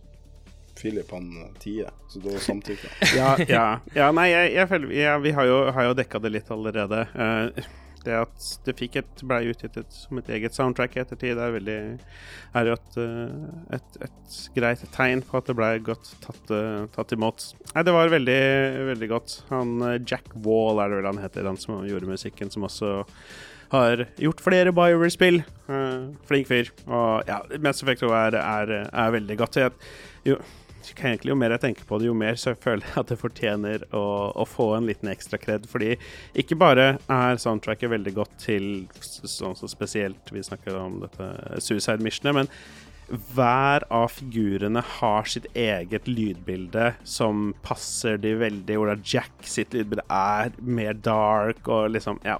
Det, det funker veldig godt. Det er generelt veldig bra også på, på å gi en type atmosfære til de forskjellige verdenene Eh, og slikt. Ja, og voice acting har vi jo vært litt inne på at uh, det er jo veldig kjente navn. Jeg tror ikke vi får så anerkjente skuespillere igjen. Det var en, en tidsramme der der alle Hollywood-skuespillere hadde lyst til å gi stemmene sine. Jeg tror det kanskje var GTA3 og GTA Vice City der store skuespillere de tok voice acting på alvor da, og hadde lyst til å være med i spill. Men jeg føler det har avtatt noe de senere årene det her var kanskje rundt peaken på akkurat det, at uh, kjente skuespillere hadde lyst til å være med på å lage spill, eller være med i spill, da. Du må hete Hideo Kojima for å få det til i dag, liksom. De hadde en god, en god, en god lineup. Uh, en Baldwin, Seth Green, som vi nevnte. Uh, Carrie Ann Moss fra The Matrix er jo stemme til Aria. Uh, Martin Sheen gjør en kjempegod jobb, som han for det meste gjør. Han er jo en god, skuespiller og stemmeskuespiller. Og Miranda, vi nevnte at hun var modellert etter Yvonne Strahovski, som også har, har stemmen hennes. Uh, uh, men det er nok kanskje hun eh, Jennifer Hale, var det den het, som er ja. femshep voice-actoren. Hun har jo blitt, blitt litt sånn megastar, nærmest, og fått masse, gode, masse fans etter at Ja, gjør en veldig god jobb som, som femsjef. Det ikke så mye om, det er jo det dialogsystemet. Synes vi at det funker i det spillet? Ja, det syns jeg er artig at du trekker opp. Det er semi Ok, det er kanskje ikke så unikt, kanskje, med tanke på hvor mange Bioware-spill som har brukt det nå, men uh, det fungerer for det meste ganske fint. Har et dialoghjul med opptil seks alternativer hvor du kan velge forskjellige, forskjellige ting å si i dialoger, og for det meste så funker det ganske greit. Jeg må innrømme at uh, det er litt lite intuitivt noen ganger hvordan Paragon-valg alltid er øverst og Renegade-valg alltid er nederst. Og noen mm. ganger så vil du bare snakke om ting og ha informasjon om ting, og da er det egentlig det samme hva du velger, men noen ganger så er det ikke det samme hva du velger, selv om det ikke er uttalt liksom rødt eller, rødt eller blått. Uh, det er, er det sånn Hvis du vil makse ut Paragon Points, sånn, så finnes det guider der ute for det, selvfølgelig, og det er uh, nesten litt merkelig hvilke, hvilke dialogvalg som, som, gir poeng, og som noen gir ikke. Mm. Ja, det blir litt random til tider. Ja, det, det, gjør det. Og det, det, henger litt sammen med resten av hele moralsystemet. Jeg uh, Hvilket spill er det? Er det Jo, Dragon Age, hvor du følgesvennene dine Når du gjør ting de liker, så får du litt plusspoeng med de. Når du gjør ting de ikke liker, så får du minuspoeng. Og det er egentlig et system som fungerer mye bedre og er mye mer dynamisk. Eh, både med tanke på at følgelsesvennene dine er lojale eller ikke lojale, og det er, de, det er helt statisk. Eh, men også hvordan du gjør slemme valg eller snille valg. Eh, det er et helt liksom, system som ikke gir deg noen type belønninger for å balansere det i det hele tatt. Eh, du får dialogvalg låst opp ved å ha masse poeng i det ene eller det andre. Uh, og i tillegg så er det noen, noen valg som er liksom virkelig arbitrære. Det er vel Legion sitt uh, loyalty mission hvor du på slutten må velge å uh, omskrive noen getter til å bli vanlige gets, eller til å følge reaperne, eller så, sånt noe, som er det de ønsker. og da er det snille valget å hjernevaske alle gettene, og så er det slemme valget å drepe det. Og, OK, kanskje, men jeg vet ikke. Jeg, vet, jeg, begge deler er kanskje Jeg vet ikke. Basert på valget så er det kanskje greit nok, men det er kanskje ikke uttalt snilt, noen av delene. Ja, han Gerrus uh, er jo flesja litt ut der, da, med at han, han er jo Han er jo renegade. Og, og, og, han reagerer jo på Hvis du skal romance han, da, så må du være renegade rundt han. ham. Ja, det kan stemme, det. Det hadde jeg glemt. Ja, altså du må jo la han eh, skyte han gamle banditten, og du må jo Ja, han han liker det når du gjør, eh, gjør renegade-ting. Og du får gode kommentarer fra han da. Uh, ja, det er for så vidt ganske kult. Og det er kanskje det jeg liker best med spillere, når de kommer med disse random dialogene som du får fra spesifikke figurer på spesifikke steder i spillet når du gjør spesifikke ting. Eh, men selv med Gareth her, så tror jeg vel at enten så er han lojal eller ikke lojal, basert på om du Jo, gjør missionen men, hans men men jeg ikke. føler at han er litt mer flesha ut der. Ja for at, eh, du kan jo, det, som også kom i toa, eh, og det at du kan jo bryte inn i en eh, samtale med et Paragon eller Renegade-valg, som kan bli en, en mulighet som kan dukke opp i løpet av en samtale. Men du må, du må igjen da ha nok poeng på hver av de for å kunne gjøre noe. Og, så må du du, følge med. du da ja, ja, ja, du må følge med. Og hvis du da f.eks. plutselig bare Du har en eh, eh, samtale med noen som du skal prøve å forhindre fra å gjøre et eller annet dritt, og du bare velger å bare skyte han på stedet, han duden, mens de står og prater, og du har han Gareth med deg, så kommenterer han at det er faen på tide, jeg orker ikke å høre på den driten her. Så han er liksom sånn oh, go, go, go renegade. Det systemet er OK nok. Jeg liker ideen ved at noen ganger så kan du bare bryte inn i dialogen og ta et eller annet valg i en eller annen retning. Eh, mm, samtidig så ja, det er litt nevnte, du må sitte og følge med. Og det er kanskje egentlig ikke så kult noen ganger. Hvis du ligger i sofaen med kontrolleren, vil du kanskje lene deg tilbake. Å, cutscene! Og så bare chille litt, i stedet for å liksom sitte og nistirre for å få med deg de to sekunders vinduet for å trykke på en av skulderknappene. Er, eh, sånn- for det er jo ikke noe, det er jo ikke noe som henviser til at nå kommer det til å skje, nå burde du følge med, på en måte. Det er bare En gang iblant skjer det. kan jo eh, nevne eh, litt de DLC-ene. Vi har jo nevnt noen ut av dem tidligere, men det er jo en god del. Og for min del så har jo egentlig alle de der DLC-ene blitt fletta inn i, i mitt game, da. Så jeg visste jo ikke hva som var DLC, og hva som ikke var DLC. Vi har jo vært inne på en god del ut av dem. Er det noen vi ikke har nevnt? Jeg har bare lyst til å trekke fram to stykk. Eh, altså Du nevnte jo Shadow Broker så vidt. Eh, den eh, som heter Lair of the Shadow Broker, den er fantastisk. Den er veldig god. Den er kul på alle vis, og du får mer Liara. Ikke minst. Ja, som nevnt, Liara er stor figur i Mass Effect 1, som ikke er med, eller direkte er med eh, i Mass Effect 2 ved at du kan ha med henne, men ja, hun befinner seg i verdenen der. Eh, men her, Du kan gjøre noen missions med, for henne, eh, men du får ikke resten før DLC-en kom. Nei. Det som er litt artig, er at etter at DLC-en kom, så kan du gå rett dit, og da mister du all den build-upen. mm. Ja, vi gjør Quest-bandet går- som før, ja. Ja, så, for da, da, da mister du alt det. Uh, for, for den saks skyld, eh, du nevner at hun er jo i spillet. Altså han um, Caden eller hun eh, Hun dama som har jo Ashley? Ha, Ashley, ja. Ashley var det. De er jo er òg En av de er jo også i, i spillet. Du møter dem jo, men de er ikke interessert i å ja indirekte. Du jobber med Cerberus, og de er bare helt uh, disgusted av Ja, det du jobber det du fortsatt har med- Ja, de er Lions, ja. Den andre, den andre delelsen jeg vil eh, nevne, er Arrival. Og den er jo Det blir jo litt som i ena igjen, da. Hvor du skal, du skal stoppe de, de har funnet en annen måte igjen, Reaperne til å komme til, eh, til galaksen. Ja, jeg skal innrømme at jeg husker denne for dårlig.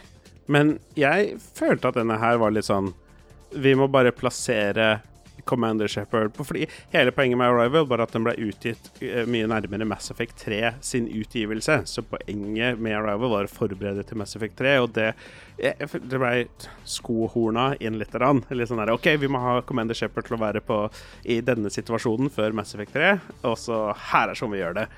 Eh, Ja, for du, du gjør jo du gjør et valg på Arrival òg. Eller nei, du har vel ikke et valg, du, du sprenger vel hele driten uansett. Er det med den Matrix-greia? Der han enter the Matrix, der du kun spiller Shepherd? Nei. Nei, for det er syns jeg Eller den DLC-en suger. Ja, nei, det, det, det er når du blir Ja, du blir vel kidnappa, og så våkner du mange Du, du skal finne en eh, en, en sånn uh, um, Du er vel i Er det Batarians de heter? De er om terrorist... Ja, sånn, ja. Uh, hvor du skal finne da en sånn uh, agent som er eh, venn til han eh, admiral Hackett. Eh, Et kvinnfolk, da. Men hun har jo blitt eh, koko og har jo blitt eh, Jo, sånn indoktrinert. Og du blir jo kidnappa der. Ja, det var egentlig det den den- jeg tenkte på. Det, det er den du Den du tenker på, ja. Ja. Ja, det er den du tenker på. Hvor du, og den syns jeg spiller, sugde. ja, fordi du spiller Shepherd uh, alene nesten hele greia. Ja, men du spiller Shepherd alene i den der han, eh, det VI-missionet òg. Uh, ja, men det er en annen delelse. Okay. Ja, den det er en annen del. Men vi tenker på Mm. samme, men jeg syns ikke den var så bra. Ja, men det, det, det er jo litt eh, sånn her Men det er greia at eh, det setter jo opp det som skjer i trea. Der trea starter, er eh, det som skjer i Arrival. Det er også det siste mission jeg gjorde før jeg en, eh, dro til Omega 4-relayen. Ja, og for å si det sånn, når jeg spilte gjennom nå sist, eller for den saks skyld lenge siden nå, så gjorde jeg alt det først, og så gjorde jeg dette Arrival rett før Mass Effect 3. Det er, det, ja, det er, det er sånn ja, det er sånn det er Ja, for du, å du spilles. jo Men det kan jo ikke du vite. eh, Du, du sprenger jo Mass relayen i det systemet, og, eh, og utsletter jo da hele det systemet. eh, Som da inneholder en planet med noen millioner Batarians. Men ja, det er umulig umulig å vite. Det dukker jo opp som et sidemission, så ja. Ja, men, men det er jo Ja, det er senter eh, i tre. For å si det sånn, nå er jo det Legendary Edition ute, sånn at de som ikke har spilt spillene før, de vil ha automatisk tilgang til de her missionene. Jeg vet ikke hvordan man bør gjøre det, egentlig, for jeg, har ikke lest noe på nettet. Jeg har egentlig bare snubla litt over de tingene, så det er kanskje noen ting du ikke bør gjøre før andre ting. Og nå har vi sagt i denne episoden her, Legion-missionet, ta det helt til slutt, eller så skjer det sånn som det skjedde med meg, at uh, crewet ditt dauer. Sånn generelt sett, hvis det er noen som hører på denne episoden, ikke har spilt Mass Effect før og er litt gira på å sjekke det ut, så gjør det. Det er kult. Legendary Edition er ute nå, og du får alltid en pakke. Kjempekult. Gjør så mange sidemissions som mulig før du gjør noe story mission i det hele tatt. Eh, sidemission mener jeg altså rekruttere folk, gjøre lojalitetsmissions, alt mulig sånn. Eh, Det er masse greier med rekkefølge der også, men bare gjør så mye som mulig før du gjør Dette noe story si missions. Hvis du skal romance folk Ja, det, Hvis du skal det ha en romanse med noen av de, de, de folkene, så er det jo en uh, greie med at uh, for hver mission du gjør, så kan du prate med folk. Og da kan du få låst opp nye. Og den, en av de som er vanskeligst å få en romanse med, er jo Jack. Og, og, så du må, og du må få Jack tidlig, og så må du gjøre liksom mission eller sidequest, og så må du prate med Jack. Og du må liksom følge henne opp hele tida. Så et nytt Og så må quest, for guds skyld ikke, for, for guds skyld ikke fare å gjøre den der han bare haser med henne.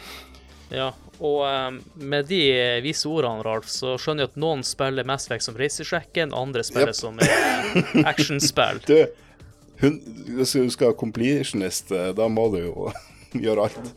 Ja, for, for, å, for å avrunde det, gjør alle sidemissions før noen story missions, og spar Arrival. Ikke spill Arrival. Spill Arrival helt til sist. Det er ment å være en prequel til Mass Effect 3.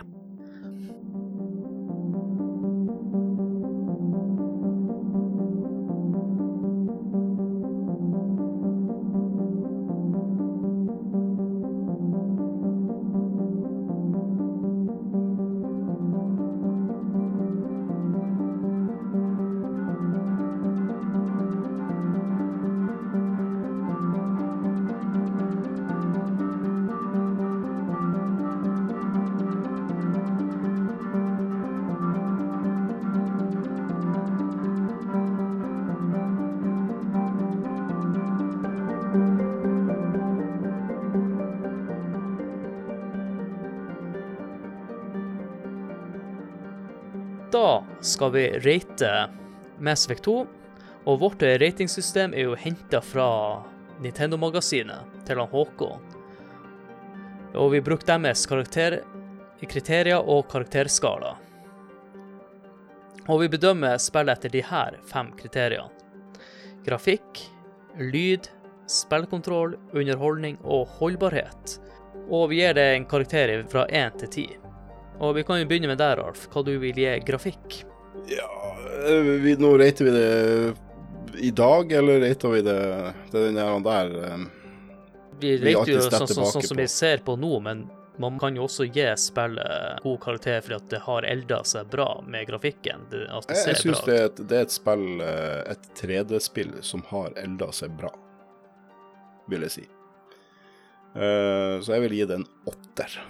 Åtte. Enn du, Philip? Eh, jeg drar det litt opp eh, til ni. Ni av ti. Eh, jeg har lyst til å være mer streng, men jeg, det, når det kom, så var det helt sjukt. Det ser fortsatt ganske kult ut i Legendary Edition, så ja, det får en del poeng for det. Det, er, det ser jo ikke ut som mange andre spill som, som er utgitt i dag, men veldig mye ser veldig bra ut. Får bitte lite grann trekk, mest for noen ansiktsanimasjoner. Og for min del, som ikke har spilt originalen, så blir jeg karakter på det jeg har sett på Legendary Edition, men min karakter faller ut eh, når vi tar en oppsummering nå helt til slutten av året på hva som blir årets spill. Og jeg vil gi det en nier. Det er fordi at eh, ja, spillet er jo elleve år gammelt, men jeg føler ikke at det er elleve år gammelt på grafikken. Det ser veldig nice ut. Så derfor gir jeg det en nier. Og over til lyd, Ralf. Men der er musikk inkludert. Vi bruker jo å vektlegge musikken mest i det Ja, her det eh, blir jo det. Men, men eh, et, jeg vil jo slå et eh, slag for, eh, for eh, de her um, uh, lydeffektene ellers i spillet, for det er et bra god, steg opp i forhold til eh, ena. Altså, eh, sniperen i ena, den sier «Uh!» Mens eh, sniperen i toa er skikkelig bang. Eh, så, og pistolen og det, Våpnene og alt høres mye bedre ut, eh, lydene og alt. Og musikken er jo dønn solid, så jeg, jeg gir det en nier. Ja, du, Philip? Jeg stiller meg bak egentlig alt Ralf sa nettopp. Eh, vi har nevnt musikken. Nå har vi også nevnt lydbildet til mye annet. Det er veldig solid.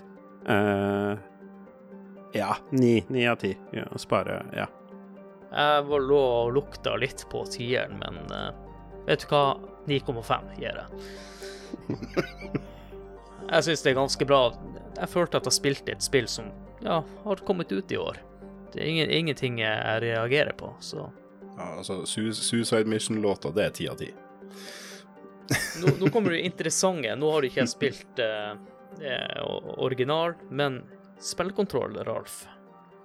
Ja, den er jo òg et uh, enormt steg opp ifra ena. Ena var uh, i originalen da kjempesluggish.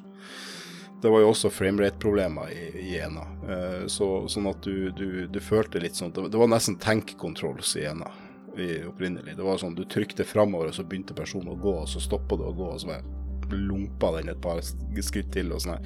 Det er blitt utrolig det, I toa var det ufattelig mye tightere. Eh, det at du fikk den der se over skuldra og uh, Nei um, En nier, vil jeg si.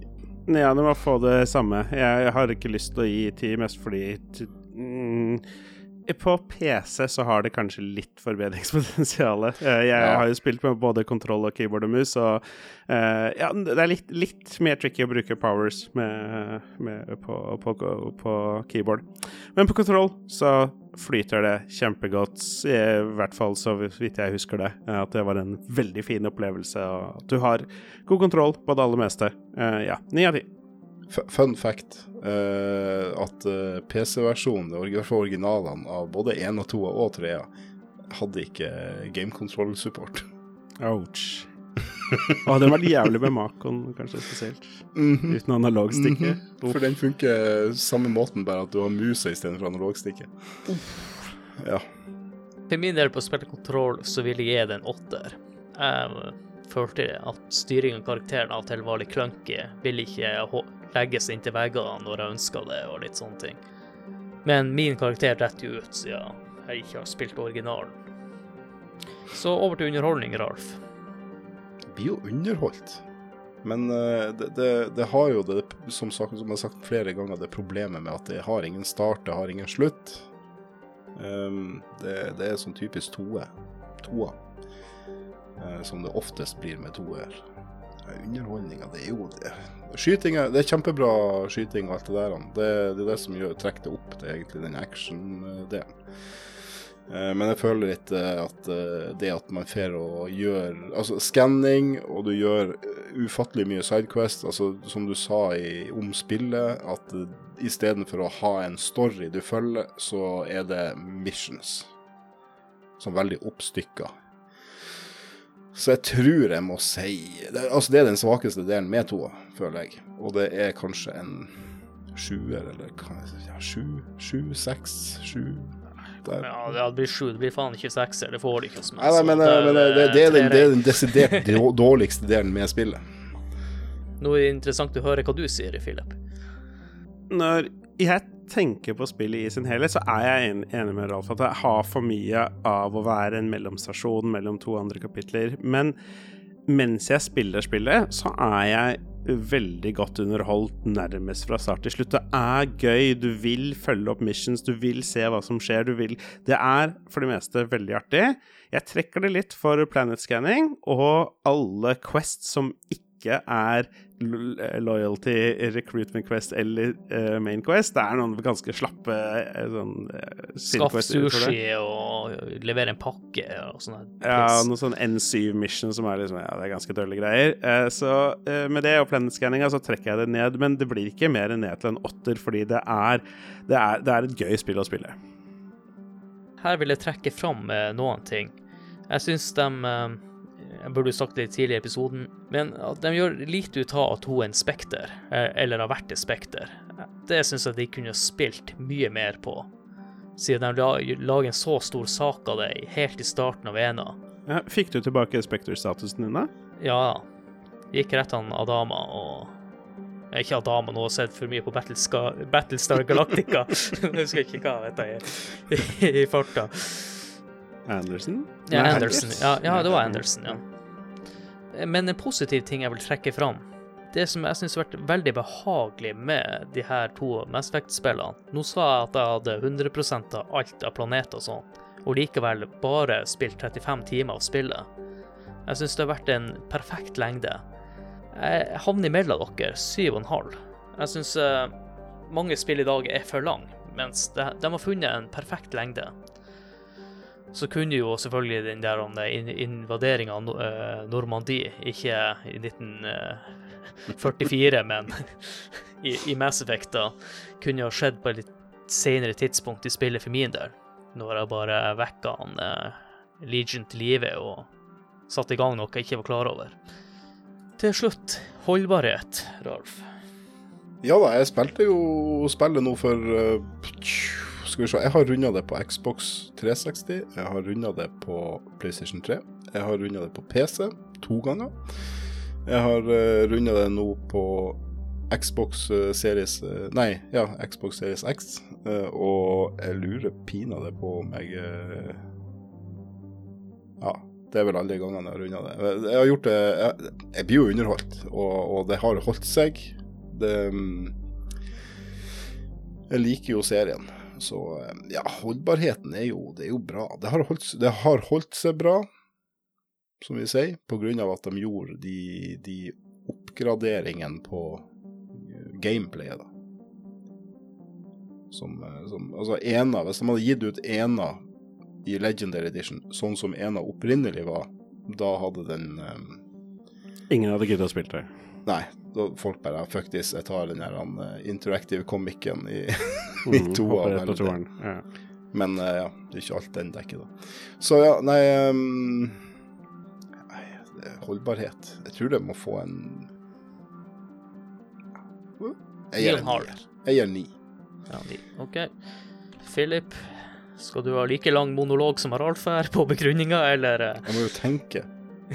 Ja, jeg tenker det er et godt utgangspunkt, i hvert fall. Nei da, det er eh, eh, Jeg gir det ikke en ir, jeg tror det får åtte.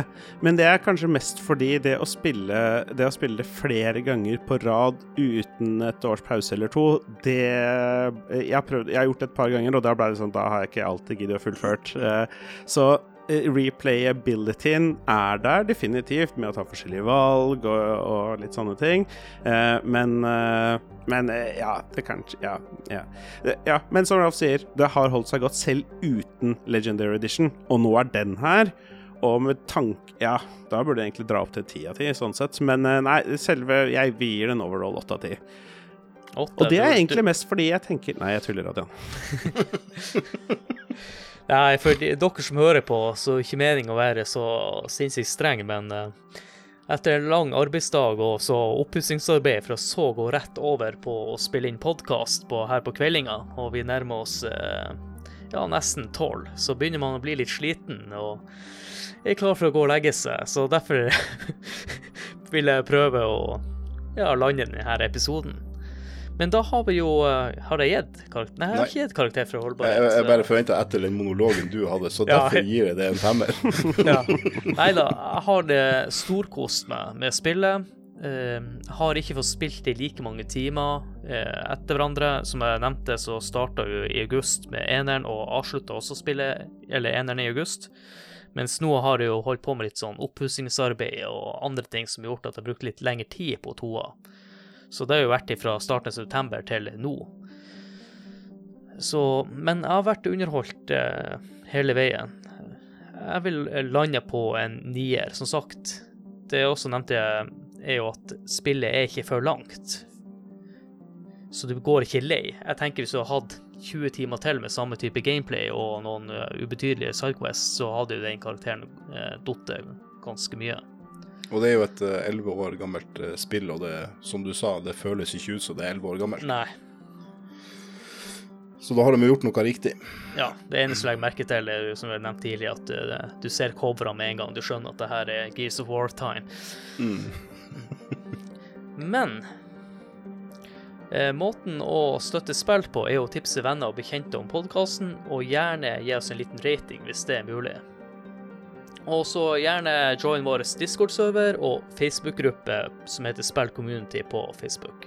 Vi selger også en del merch, så har du lyst på kul spill-T-skjorte eller noe annet, så gjerne se i episodebeskrivelsen. Der ligger det en link.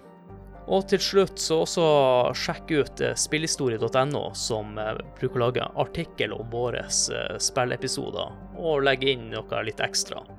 Og jeg anbefaler dere også å sjekke ut Lolebua, der han Philip er med. Men han Philip, er, du er vel ikke med på spillrevyen? Nei, det er for, eh, forbeholdt eh, Lars og, Lars og Jon Cato, men det er eh, veldig fint dypdykk inn i norsk, norsk spillbransje for alle dere som er interessert i det. Og så har dere også Ragequit, der du har vært med som gjest. Ja, Ragequit er morsomme greier. Det er jo de tre, tre gærningene i Lolboa Inc. som har lagd sin egen greie. Har nå en haug av episoder, og alle er kjempeartige. Eh, så det er definitivt noe, noe å, ta, å ta en titt på. Som nevnt noen ganger, så snakker jeg om spill som ikke er minimum tolv år gamle eller Final Fantasy 7. Og ja, det er i Lolboa. Ta gjerne og, og sjekk ut det. Ja. Og sånn Rolf her er jo programleder i den podkasten som egentlig er litt skyld i at spillet ble starta opp, da. Sidelinja. Der er det jo også av og til litt eh, spillsnakk. Spesielt i den siste episoden som eh, har kommet ut fra sidelinja, blir det jo veldig mye spillsnakk. Siste episode, det, det, det var en sånn der, den, provisorisk episode, eh, hvor, eh, hvor vi da det- Det er basically bare opptak av en samtale mellom meg og Jan. Og da rauser vi alltids inn i Final Fantasy-verden. Og han Jan har vært med i, eh, i fjorårets Game of the Year-episode og Oblivion-episoden, som var vel den fjerde episoden som ble lagd av spill. Og med det så vil jeg si tusen takk for at du var med på denne episoden, Philip. Vær så god for at jeg var med på denne episoden. Tusen takk for at jeg ble invitert. Det er alltid, alltid veldig artig å nerde ut om spill som står spesielt uh, hos oss. Uh, spesielt med, med Ralf, som vi nå har gjort et par episoder med. Alltid gøy med andre rollespillentusiaster. Så kjempehyggelig, og gleder meg til neste gang. Og så er jo flaks at jeg fulgte med den streamen når du testa Mass Effect, for det jo sånn jeg ble obs på at du faktisk var en stor fan av denne spillserien. Mm, nå må vi få det, få det ut her. Jeg glemte å si det også. Han Philip streamer til for Lolbua, så gå inn på Twitch og sjekk dem ut når de, de gangene de streamer. Dere er vel ikke for ofte å streame, så Så ofte som, eh, som eh, jeg slash vi Ja. Men når det først skjer noe, så er det ofte veldig, veldig artig. En gang i uka. Og så tusen takk til deg, Ralf. Du har jo vært med på en god del episoder, og alltid en fornøyelse å ha deg med. Jo, det, det er kjempeartig å være med, og, og, og, og takk det samme til han Philip. Det, det er artig å ha noen som kan sparre litt med. Og, og ja. Det, det, det tok jo ikke helt av i dag, da, sånn som på Final Fantasy 7 remake-episoden. Jeg, jeg spør bare når skal vi ha Final Fantasy 8-episoden? Ja, ja, ja. Ja, ah, det spør jeg òg om. uh, og så vil jeg bare si at jeg gleder meg til um, episode tre av denne serien her, da. Uh, hvor, hvor, uh, hvor vi da skal få lov til å rante litt om de siste Oh. 15 minuttene, men, men p prise det meste annet i spillet. Ja, jeg kan jo røpe såpass at jeg blir nok ikke hive meg rett på Mass Effect 3, for nå har det gått noen måneder med kun Mass Effect, så jeg er klar for å teste ut uh, Metroid uh, Dread. Jeg, jeg føler vel at det, det blir vel et, det, det her blir vel et tema, den episode tre, om, om, om et par år, kanskje. Og til slutt så vil jeg si tusen takk for det, du som hørte på. Alltid fornøyelse at dere har lyst til å høre på spill. Og da gjenstår det egentlig bare for meg å si ha det. Ha det! Ha det!